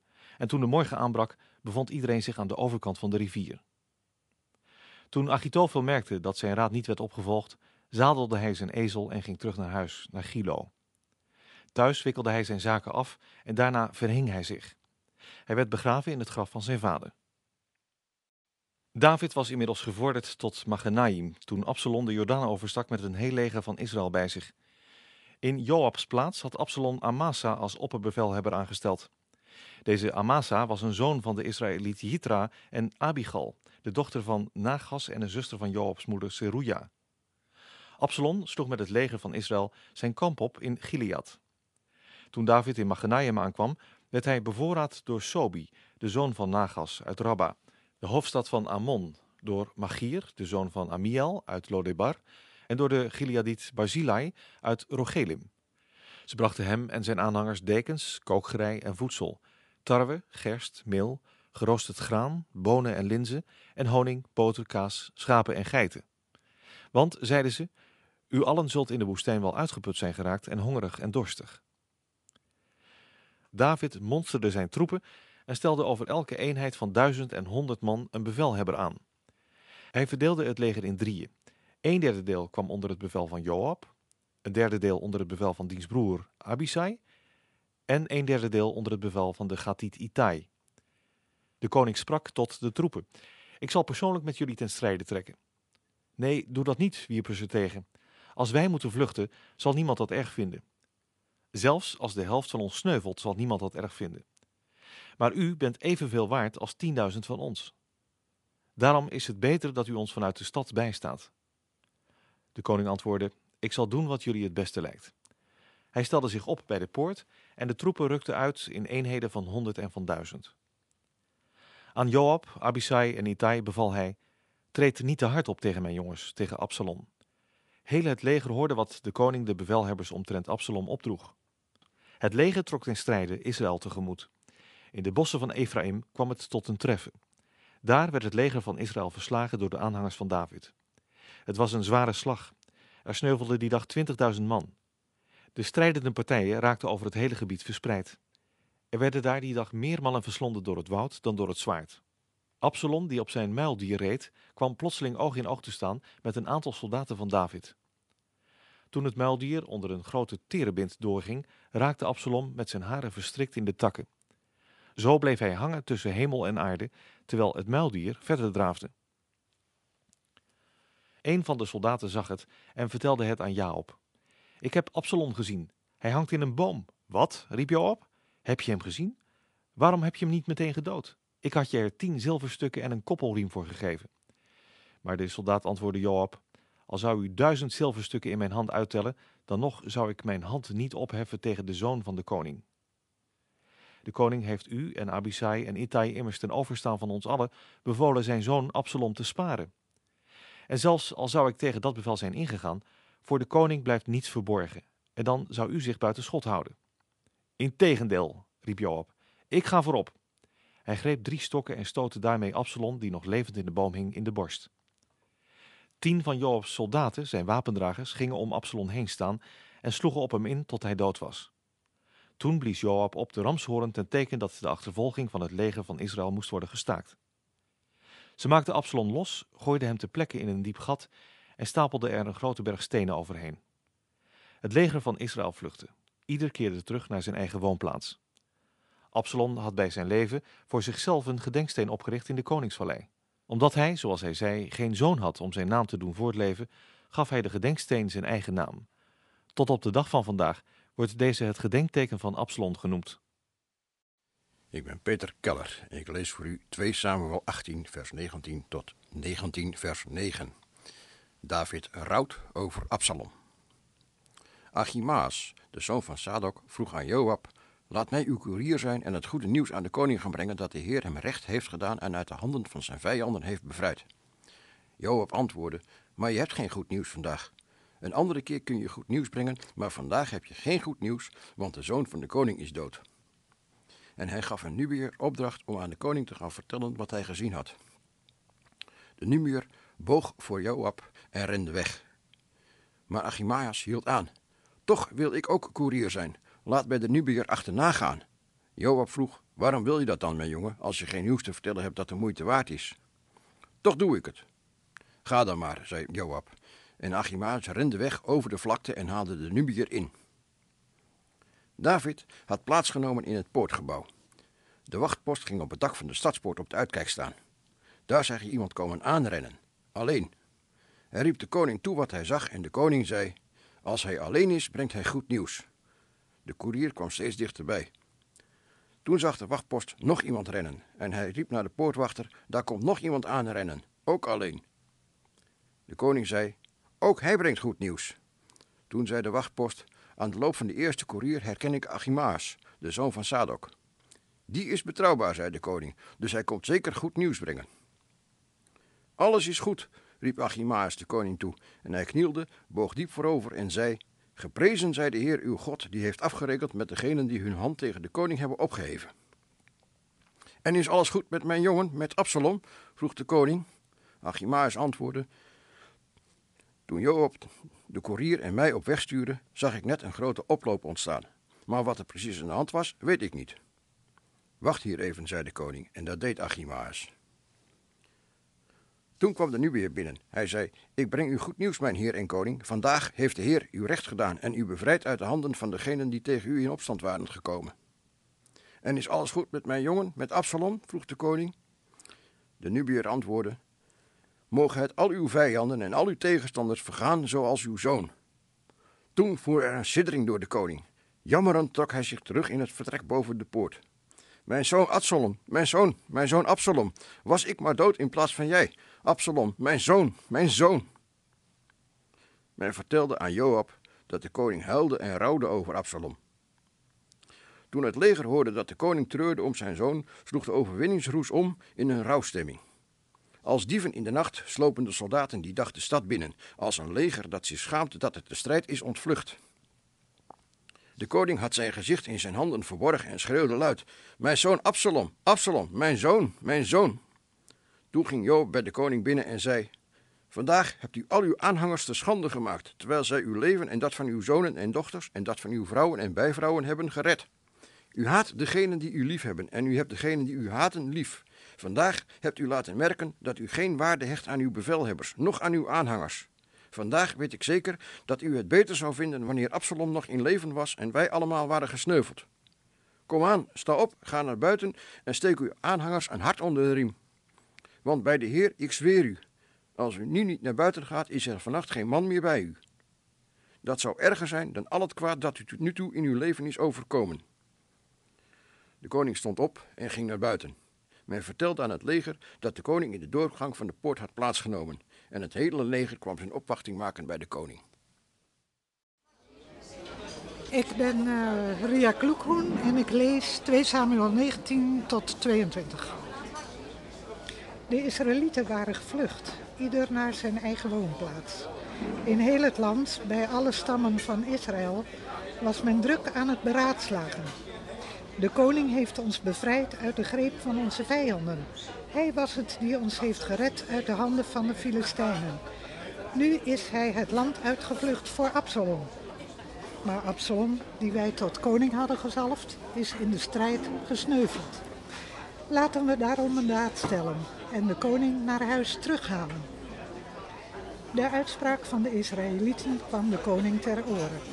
Daarop zond koning David het volgende bericht aan de priesters Sadok en Abjatar. Zeg tegen de oudste van Juda, waarom zou u de laatste zijn om de koning naar huis terug te halen? U bent mijn broeders, mijn vlees en bloed. Waarom zou u de laatste zijn om de koning terug te halen? En tegen Amasa moet u zeggen, bent u niet mijn vlees en bloed? Voortaan zult u mijn opperbevelhebber zijn in plaats van Joab. God is mijn getuige.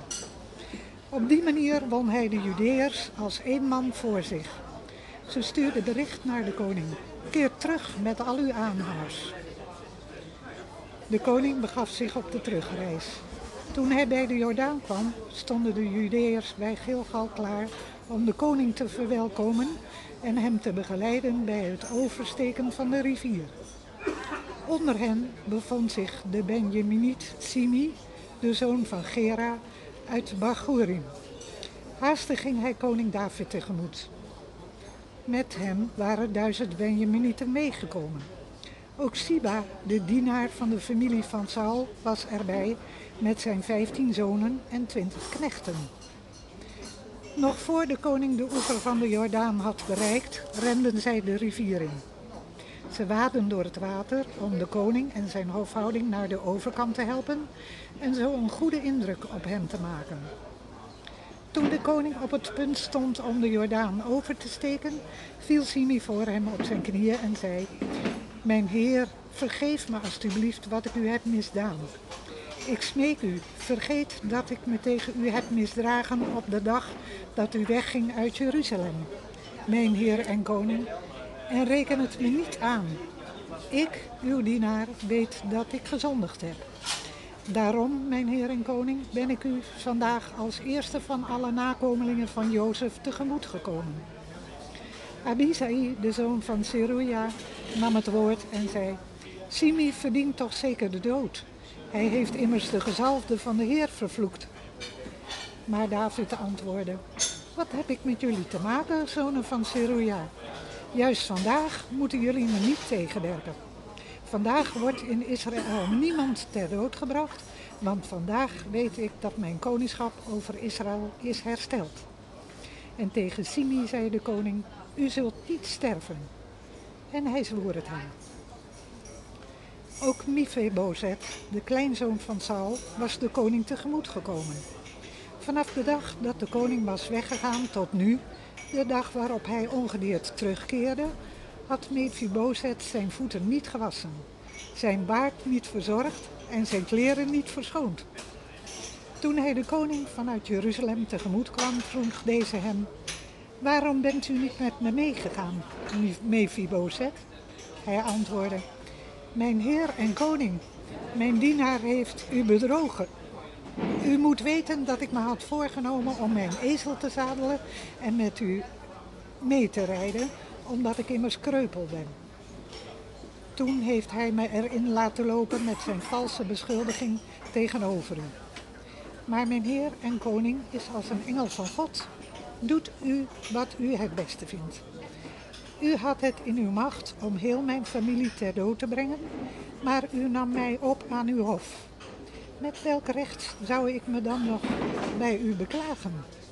De koning antwoordde: Genoeg hierover. U en Siba moeten het land maar delen.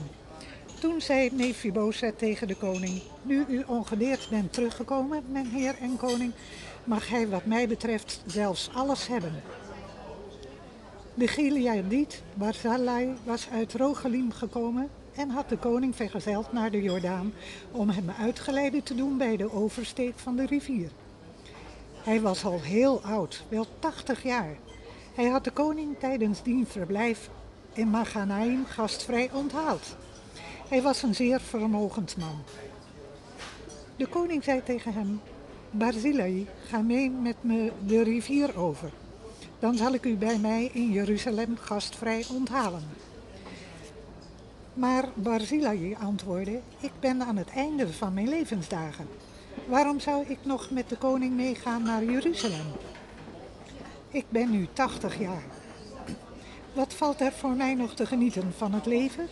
Kan ik nog proeven wat ik eet en drink? Kan ik de stem nog horen van zangers en zangeressen? Waarom zou ik u dan nog tot last zijn, meneer en koning? Ik zou zelfs nauwelijks in staat zijn met u de rivier over te steken. Waarom zou u mij op die manier belonen? Laat me toch teruggaan, zodat ik kan sterven in mijn eigen stad, bij het graf van mijn vader en mijn moeder. Neem liever Kinham mee met u, mijn heer en koning, en behandel hem zoals u voor ogen staat. De koning antwoordde: Kimham zal met mij meegaan en ik zal hem behandelen zoals u voor ogen staat. Ik zal doen zoals u wenst. Ondertussen stak het leger de Jordaan over. Toen de koning aan de beurt was om over te steken, bedankte hij Barzilai en kuste hem vaarwel. Barzilai ging terug naar zijn woonplaats en de koning vervolgde zijn reis naar Gilgal. Kimham ging met hem mee. Heel het volk van Juda had de koning bij zijn doortocht begeleid en de helft van het volk van Israël. De Israëlieten kwamen op de koning af en vroegen hem: Waarom hebben onze broeders, de Judeërs, beslag op u gelegd door u en uw gevolg bij het oversteken van de Jordaan te begeleiden terwijl al uw aanhangers al bij u waren? Maar de Judeërs wierpen tegen. De koning is immers aan ons verwant. Waarom maken jullie het zo kwaad? Laten we ons soms door de koning onderhouden? Worden we soms door hem bevoordeeld?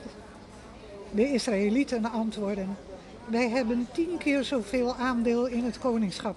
En ook op David hebben wij meer recht dan jullie. Waarom doen jullie zo geringschattend? Hebben wij soms niet als eersten besloten dat we onze koning zouden terughalen? Maar de Judeërs stonden sterker dan de Israëlieten. Nu was er onder de Israëlieten ook echte onruststoker, een zekere Seba, de zoon van Bichri uit de stam Benjamin. Hij blies op de ramshoorn en zei: Wat hebben wij met David te maken? Wij hebben niets gemeen met de zoon van Isaï. We breken op, volk van Israël. Alle Israëlieten keerden David de rug toe en volgden de Benjaminiet Seba, maar de Judeërs bleven hun koning vergezellen van de Jordaan tot aan Jeruzalem. Toen koning David in zijn paleis in Jeruzalem kwam, stelde hij de tien bijvrouwen die hij als huisbewaarsters had achtergelaten in bewaring in een eigen huis. Hij bleef hen onderhouden, maar hij zocht hen niet meer op. Zo bleven zij tot aan de dag van hun dood opgesloten als onbestorven weduwen. De koning zei tegen Amara: Roep alle mannen van Juda bijeen en meld u binnen drie dagen weer bij mij. Amasa ging op weg om de Judeërs bijeen te roepen, maar op de afgesproken tijd was hij nog niet terug. Toen zei David tegen Abisai, Seba, de zoon van Bichri, vormt een nog grotere bedreiging voor ons dan Absalom. Abisai, neemt u dan mijn leger onder uw bevel en ga achter hem aan, voordat hij onze versterkte steden voor zich wint, want dan staan wij met lege handen. De mannen van Joab, de Keretieten en de Peletieten en al Davids helden sloten zich bij Abisai aan en zetten vanuit Jeruzalem de achtervolging van Seba in. Bij de grote steen in Gibeon kwamen ze Amasa achterop. Joab droeg gevechtskleding met daarop een koppelriem waarin zijn zwaard gestoken was. Toen hij een stap naar voren deed, gleed het zwaard uit de schede. Is alles goed met je, Amasa? vroeg hij en hij greep hem met zijn rechterhand bij zijn baard om hem te kussen. Amasa was niet verdacht op het zwaard dat Joab in zijn andere hand hield. Joab stak Amasa in de buik, zodat zijn ingewanden naar buiten kwamen. Hij hoefde geen tweede maal te steken. De verwonding was dodelijk. Joab en zijn broer Abisai zetten de achtervolging van Seba voort. Een van Joabs wapendragers bleef bij Amasa staan en riep: Wie het goed meent met Joab, wie voor David is, hij volge Joab. Amasa lag op de weg, stuiptrekkend in zijn bloed. Toen de wapendrager merkte dat de soldaten stil bleven staan, rolde hij Amasa van de weg af, het veld in en wierp een kleed over hem heen, omdat iedereen die langzaam kwam stilhield. Toen Amasa van de weg was verwijderd, volgden allen Joab, Seba achterna. Seba was dwars door Israël naar Abel Bet Maaga getrokken. Alle Bigrieten hadden zich bij hem aangesloten. Toen kwam ook Joab met zijn leger bij Abel Bet Maaga en sloot hem daarin. Ze wierpen een wal op tegen de muur van de vesting en bestookten van daaraf met man en macht de stadsmuur. Toen riep een wijze vrouw vanuit de stad: Luister, luister. Vraag of Joab dichterbij komt, zodat ik met hem praten kan. Joab kwam naderbij en de vrouw vroeg: Bent u Joab? Jazeker, antwoordde hij. Luister naar wat ik u te zeggen heb, zei de vrouw. En Joab antwoordde: Ik luister. Toen zei de vrouw: Vroeger bestond er een zegswijze: wie een Abel om raad vraagt, komt nooit bedrogen uit. Wij zijn vredelievende en getrouwe Israëlieten. Maar u, U wilt een stad van de aardbodem wegvagen, die als een wijze moeder is in Israël. Waarom vergrijpt u zich aan Gods eigen land? Geen sprake van, antwoordde Joab. Ik ben er beslist niet op uit om me aan uw stad te vergrijpen of haar van de aardbodem weg te vagen. Daar is het me niet om te doen. Maar iemand uit het bergland van Ephraim, een zekere Seba, een zoon van Bigri, is in opstand gekomen tegen de koning, tegen David. Lever hem aan mij uit, dan zal ik de stad verder ongemoeid laten. Toen zei de vrouw tegen Joab, goed zijn hoofd zal u over de muur worden toegeworpen. De vrouw legde haar wijze raad voor aan de bevolking van de stad en zij hakte Seba's hoofd af en wierpen het Joab toe. Joab blies op de ramshoorn en het beleg van de stad werd opgebroken.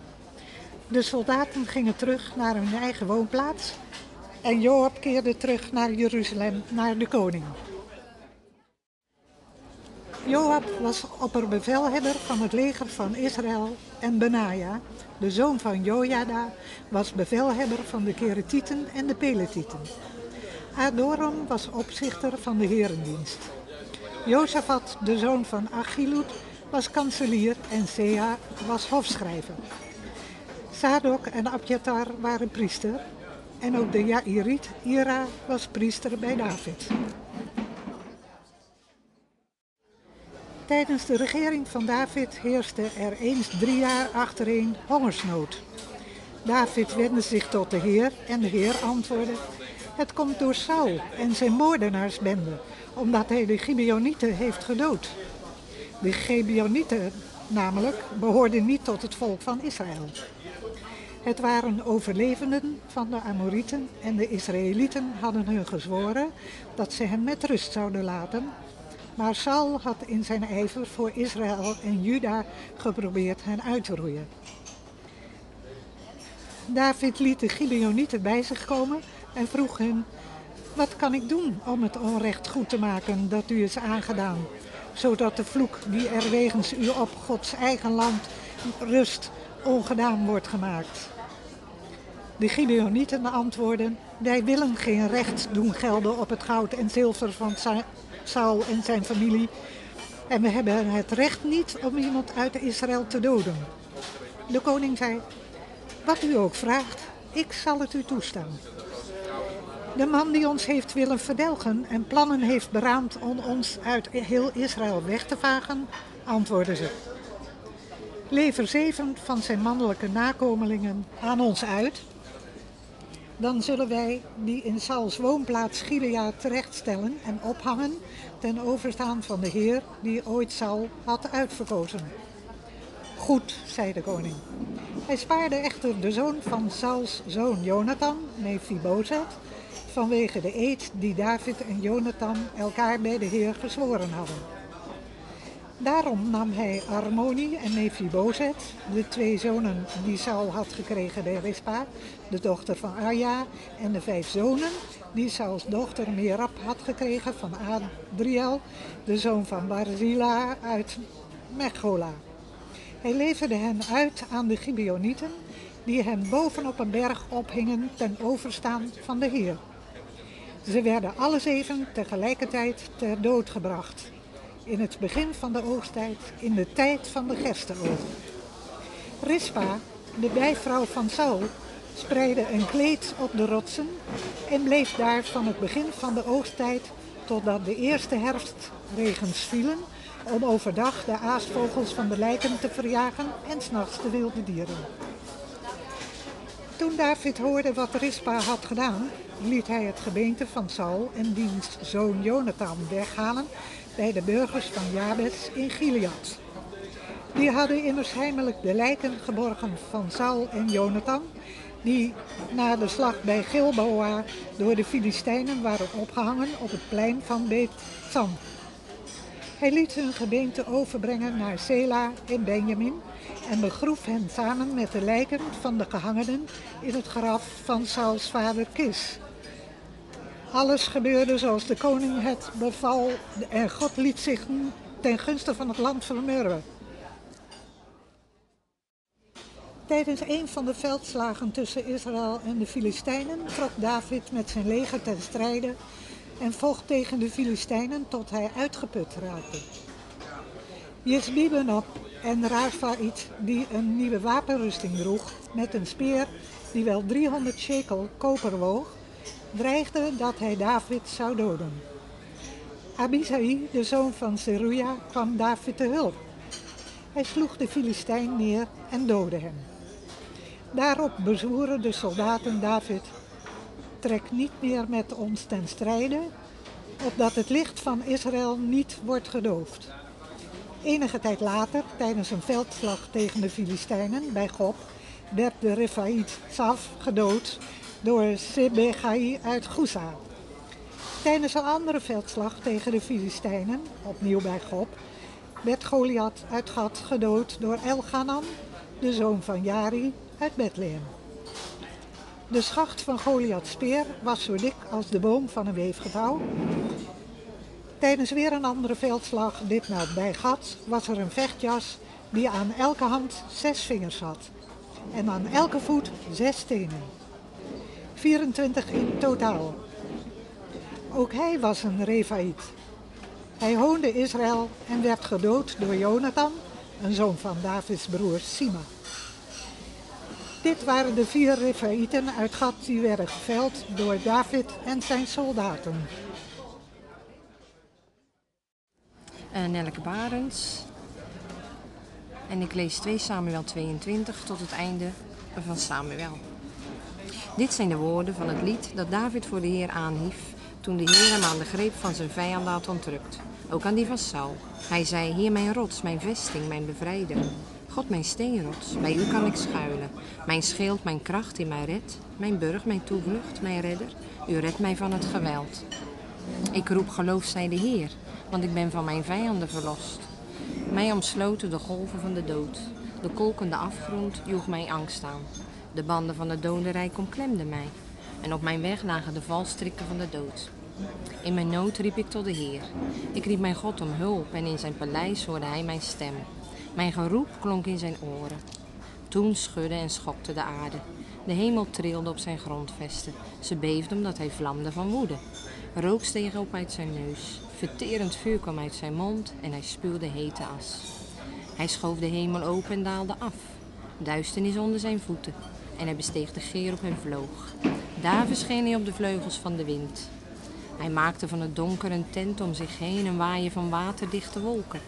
Een vuurgloed ging voor hem uit en het verbrandde alles tot gloeiende as. En de donder van de Heer klonk uit de hemel. De Allerhoogste verhief zijn stem.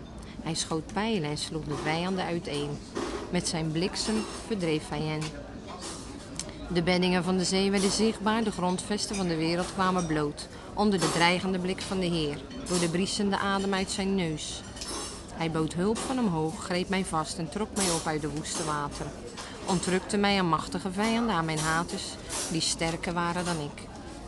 En op de dag van mijn ondergang vielen zij aan. Maar de Heere was mijn steun.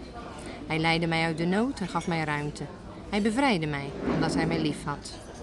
De Heer heeft mijn onschuld vergolden, mij beloond voor zijn reine handen. Ik volgde de wegen die de Heer had gewezen en werd mijn God niet ontrouw. Zijn voorschriften hield ik voor ogen en van zijn wetten week ik nooit af.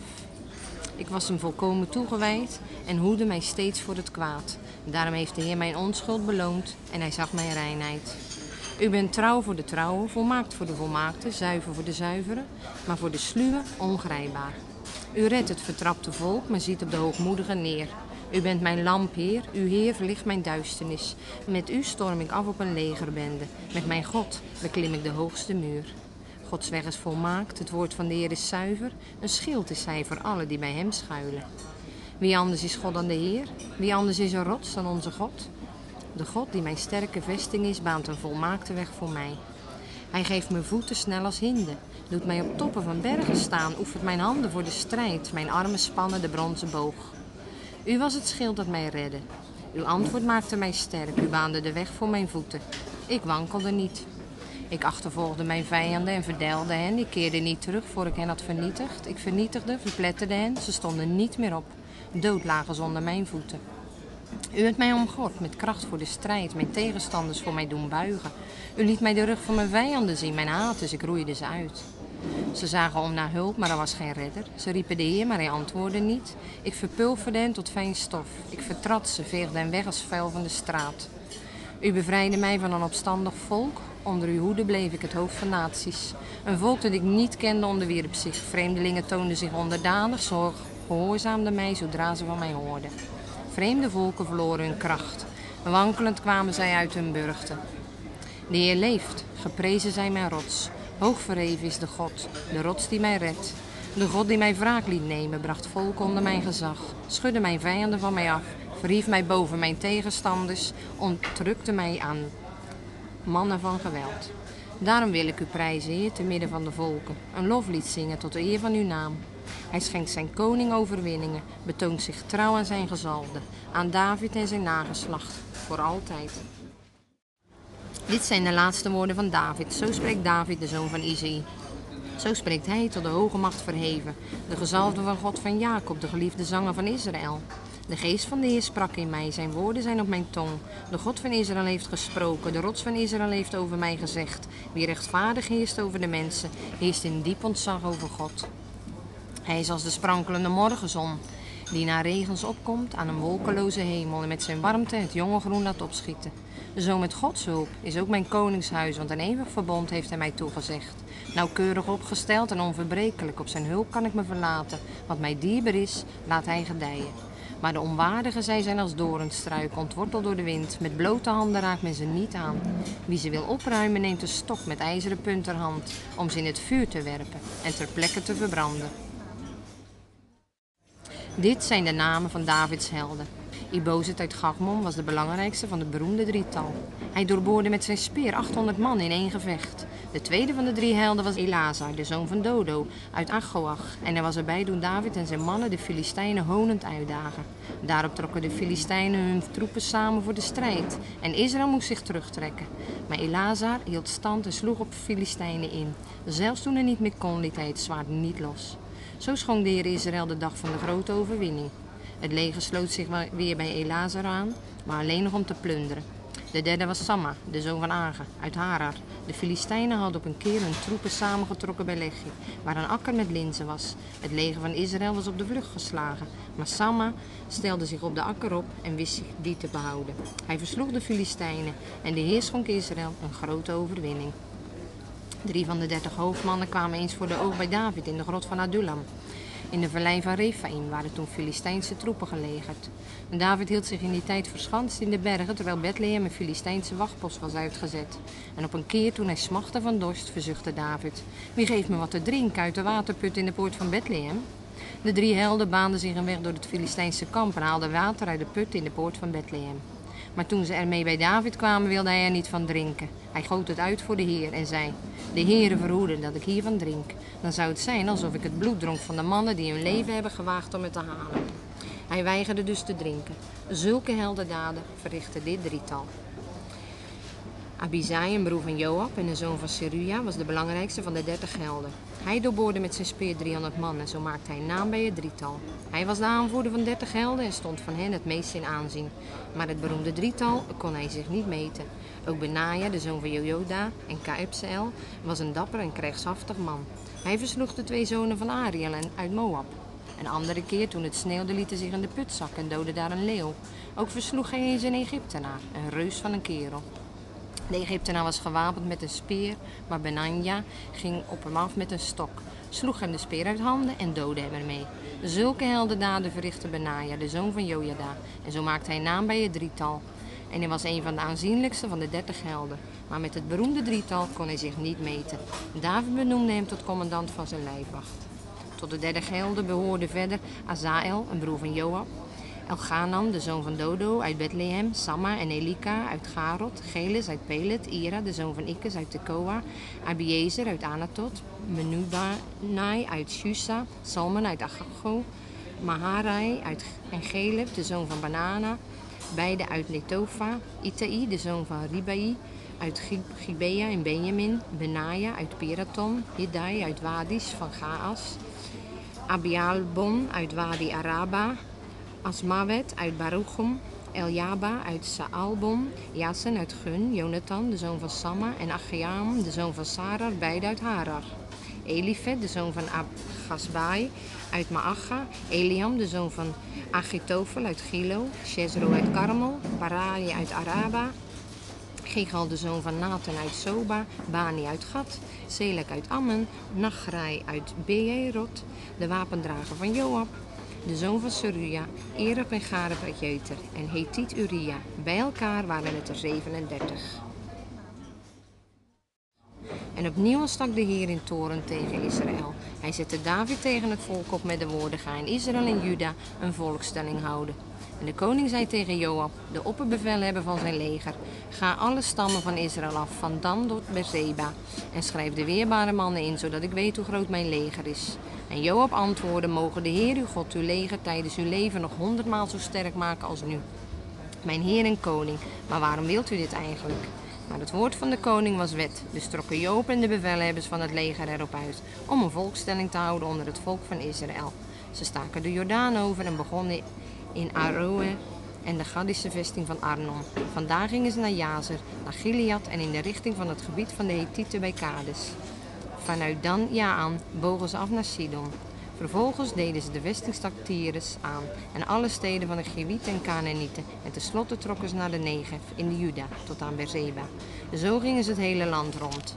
En na negen maanden en twintig dagen kwamen ze weer terug in Jeruzalem. Joop meldde de uitkomst van de volkstelling aan de koning. Israël telde 800.000 weerbare mannen die de wapens konden hanteren en Jude 500.000. Toen het tot David doordrong wat hij had gedaan, sloeg de schrik hem om het hart. Hij zei tegen de Heer: Ik heb ernstig gezondigd met mijn daad. Ach, Heer, vergeef uw dienaar zijn zonde. Ik ben een dwaas geweest.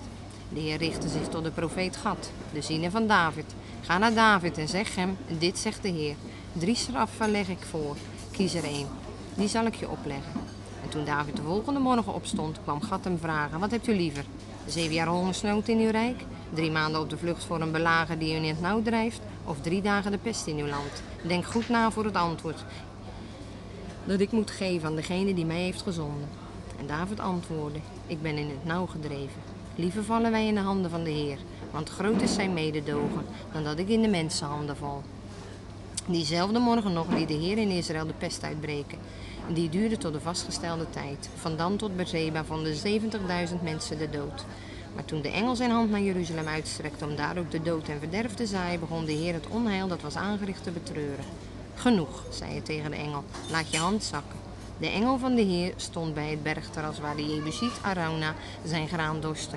En toen David de engel die dood en verderf onder het volk zaaide zag staan, zei hij tegen de Heer: Ik ben het die gezondigd heeft. Ik ben het die een zonde heeft begaan. Maar deze arme schapen, wat hebben zij misdaan? Hef uw hand toch op tegen mij en mijn familie. Diezelfde dag kwam God bij David en zeide tegen hem: En ga naar de dorsvloer van de Jebusiet Arauna en richt daarvoor de Heer een altaar op. David ging naar boven zoals de Heer bij monden van Gad had bevolen. Toen Arauna de koning en zijn gevolg zag naderen, ging hij hun tegemoet en knielde voor de koning neer. Wat is de reden van uw komst, mijn heer en koning? vroeg hij. En David antwoordde, ik wil van u deze dorsvloer kopen, om er een altaar op te bouwen voor de Heer, zodat het volk van deze plaag wordt verlost. Arauna zei, neem toch wat u offer nodig hebt. Mijn heer en koning, alstublieft, mijn runderen voor het brandoffer en hun tuigende doorsnelen om een vuur mee te maken. Dit alles schenk ik u, mijn heer. En hij voegde eraan toe, mogen de heer uw God u goedgezind zijn. Nee, antwoordde de koning, ik wil ervoor betalen. Ik ga niet de Heer mijn God een brandoffer brengen dat me niets heeft gekost. En daarom kocht David de dorsvloer en de runderen voor vijftig sikkel zilver. Hij bouwde er een altaar voor de Heer en bracht brandoffers en vredeoffers. Daardoor liet de Heer zich ten gunste van het land vermurwen en werd Israël van de plaag verlost. Absaloms terugkeer. Toen Absalom drie jaar in Gesur woonde, waar hij een veilig heenkomen gevonden had, vatte koning David het plan op om tegen Absalom ten strijde te trekken, want de rouw over de dood van Amnon was voorbij. Het ontging opperbevelhebber Joab niet dat de koning Absalom vijandig gezind was. Hij liet uit Tekoa een wijze vrouw komen en zei tegen haar: Doe alsof u in de rouw bent. Trek een rouwkleed aan. Wrijf u niet in met olie en gedraag u als een vrouw die al vele jaren om een dode treurt. Ga dan naar de koning en zeg hem wat ik u nu vertel. en hij legde haar woordelijk in de mond wat ze moest zeggen. De vrouw uit Tekoa wendde zich tot de koning. Ze knielde, boog diep voorover en zei: Mijn heer en koning, help me alstublieft. De koning vroeg wat er aan de hand was en ze vertelde: Ach heer, ik ben een weduwe, mijn man is gestorven. Op een keer kregen mijn twee zonen ruzie buiten op het veld en er was niemand die tussen beiden kwam. Toen heeft de een de ander doodgeslagen. Nu is mijn hele familie tegen mij in het geweer gekomen. Ze zeggen: Leven die broedermoordenaar aan ons uit, dan zullen we hem ter dood brengen om het leven te vergelden van de broer die hij heeft doodgeslagen. Ook al is hij de stamhouder, we zullen hem doden. Zo zullen ze het laatste kooltje dat mij rest uitdoven, en dan zal er op aarde niets meer zijn dat nog aan mijn man en zijn naam herinnert. Ga gerust naar huis, zei de koning. Ik zal zorgen dat het in orde komt. Maar de vrouw uit Tekoa hield aan. Jawel, maar ik en mijn familie krijgen de schuld, mijn heer en koning. U en uw troon zal mij niets verwijten. Toen zei de koning: Als iemand het er niet mee eens is, verwijst u die maar naar mij. Ik zal zorgen dat ze u niet langer lastigvallen.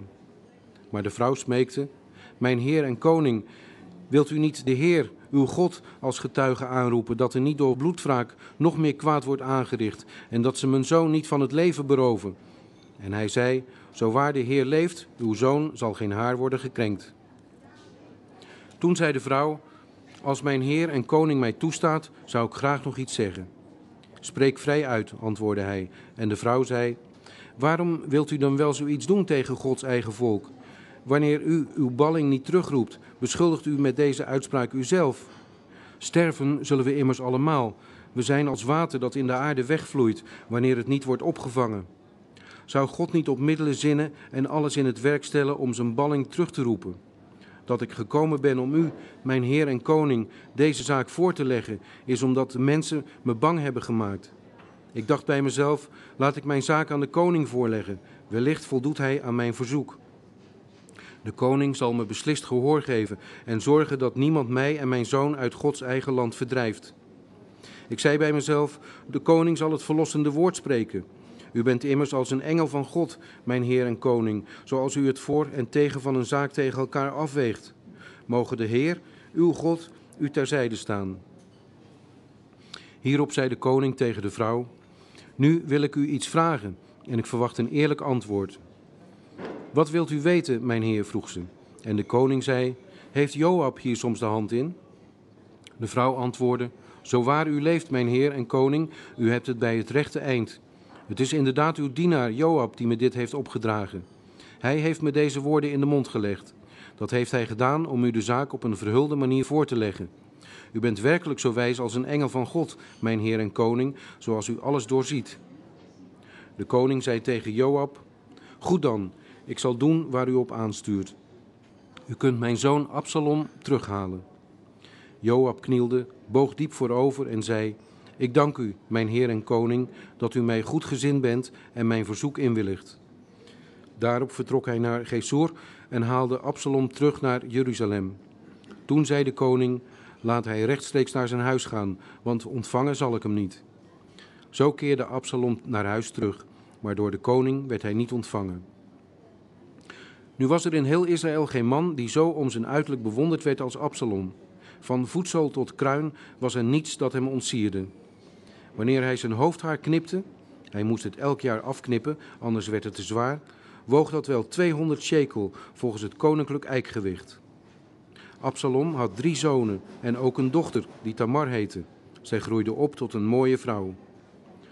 Toen Absalom twee jaar in Jeruzalem woonde, zonder dat hij door de koning was ontvangen, riep hij Joab bij zich om hem te vragen of hij bij de koning wilde bemiddelen. Maar Joab wilde niet komen. Opnieuw liet hij Joab roepen en opnieuw weigerde deze. Daarop zei hij tegen zijn knechten: Zien jullie die akker van Joab hiernaast waar hij gerst heeft staan? Ga erheen en steek de akker in brand. De knechten van Absalom deden wat hun was opgedragen. Toen kwam Joab naar het huis van Absalom en vroeg hem: Waarom hebben uw knechten mijn akker in brand gestoken? Absalom antwoordde: ik heb u laten roepen om u te vragen naar de koning te gaan en hem uit mijn naam te zeggen: Waarom ben ik eigenlijk uit Gesor teruggekomen? Het was beter geweest als ik daar was gebleven. Ik wil nu dat u mij ontvangt. Als mij iets te verwijten valt, laat me dan ter dood brengen. Joab ging naar de koning en vertelde het hem. Toen liet de koning Absalom komen. Hij knielde voor de koning en boog diep voorover. En de koning kuste Absalom.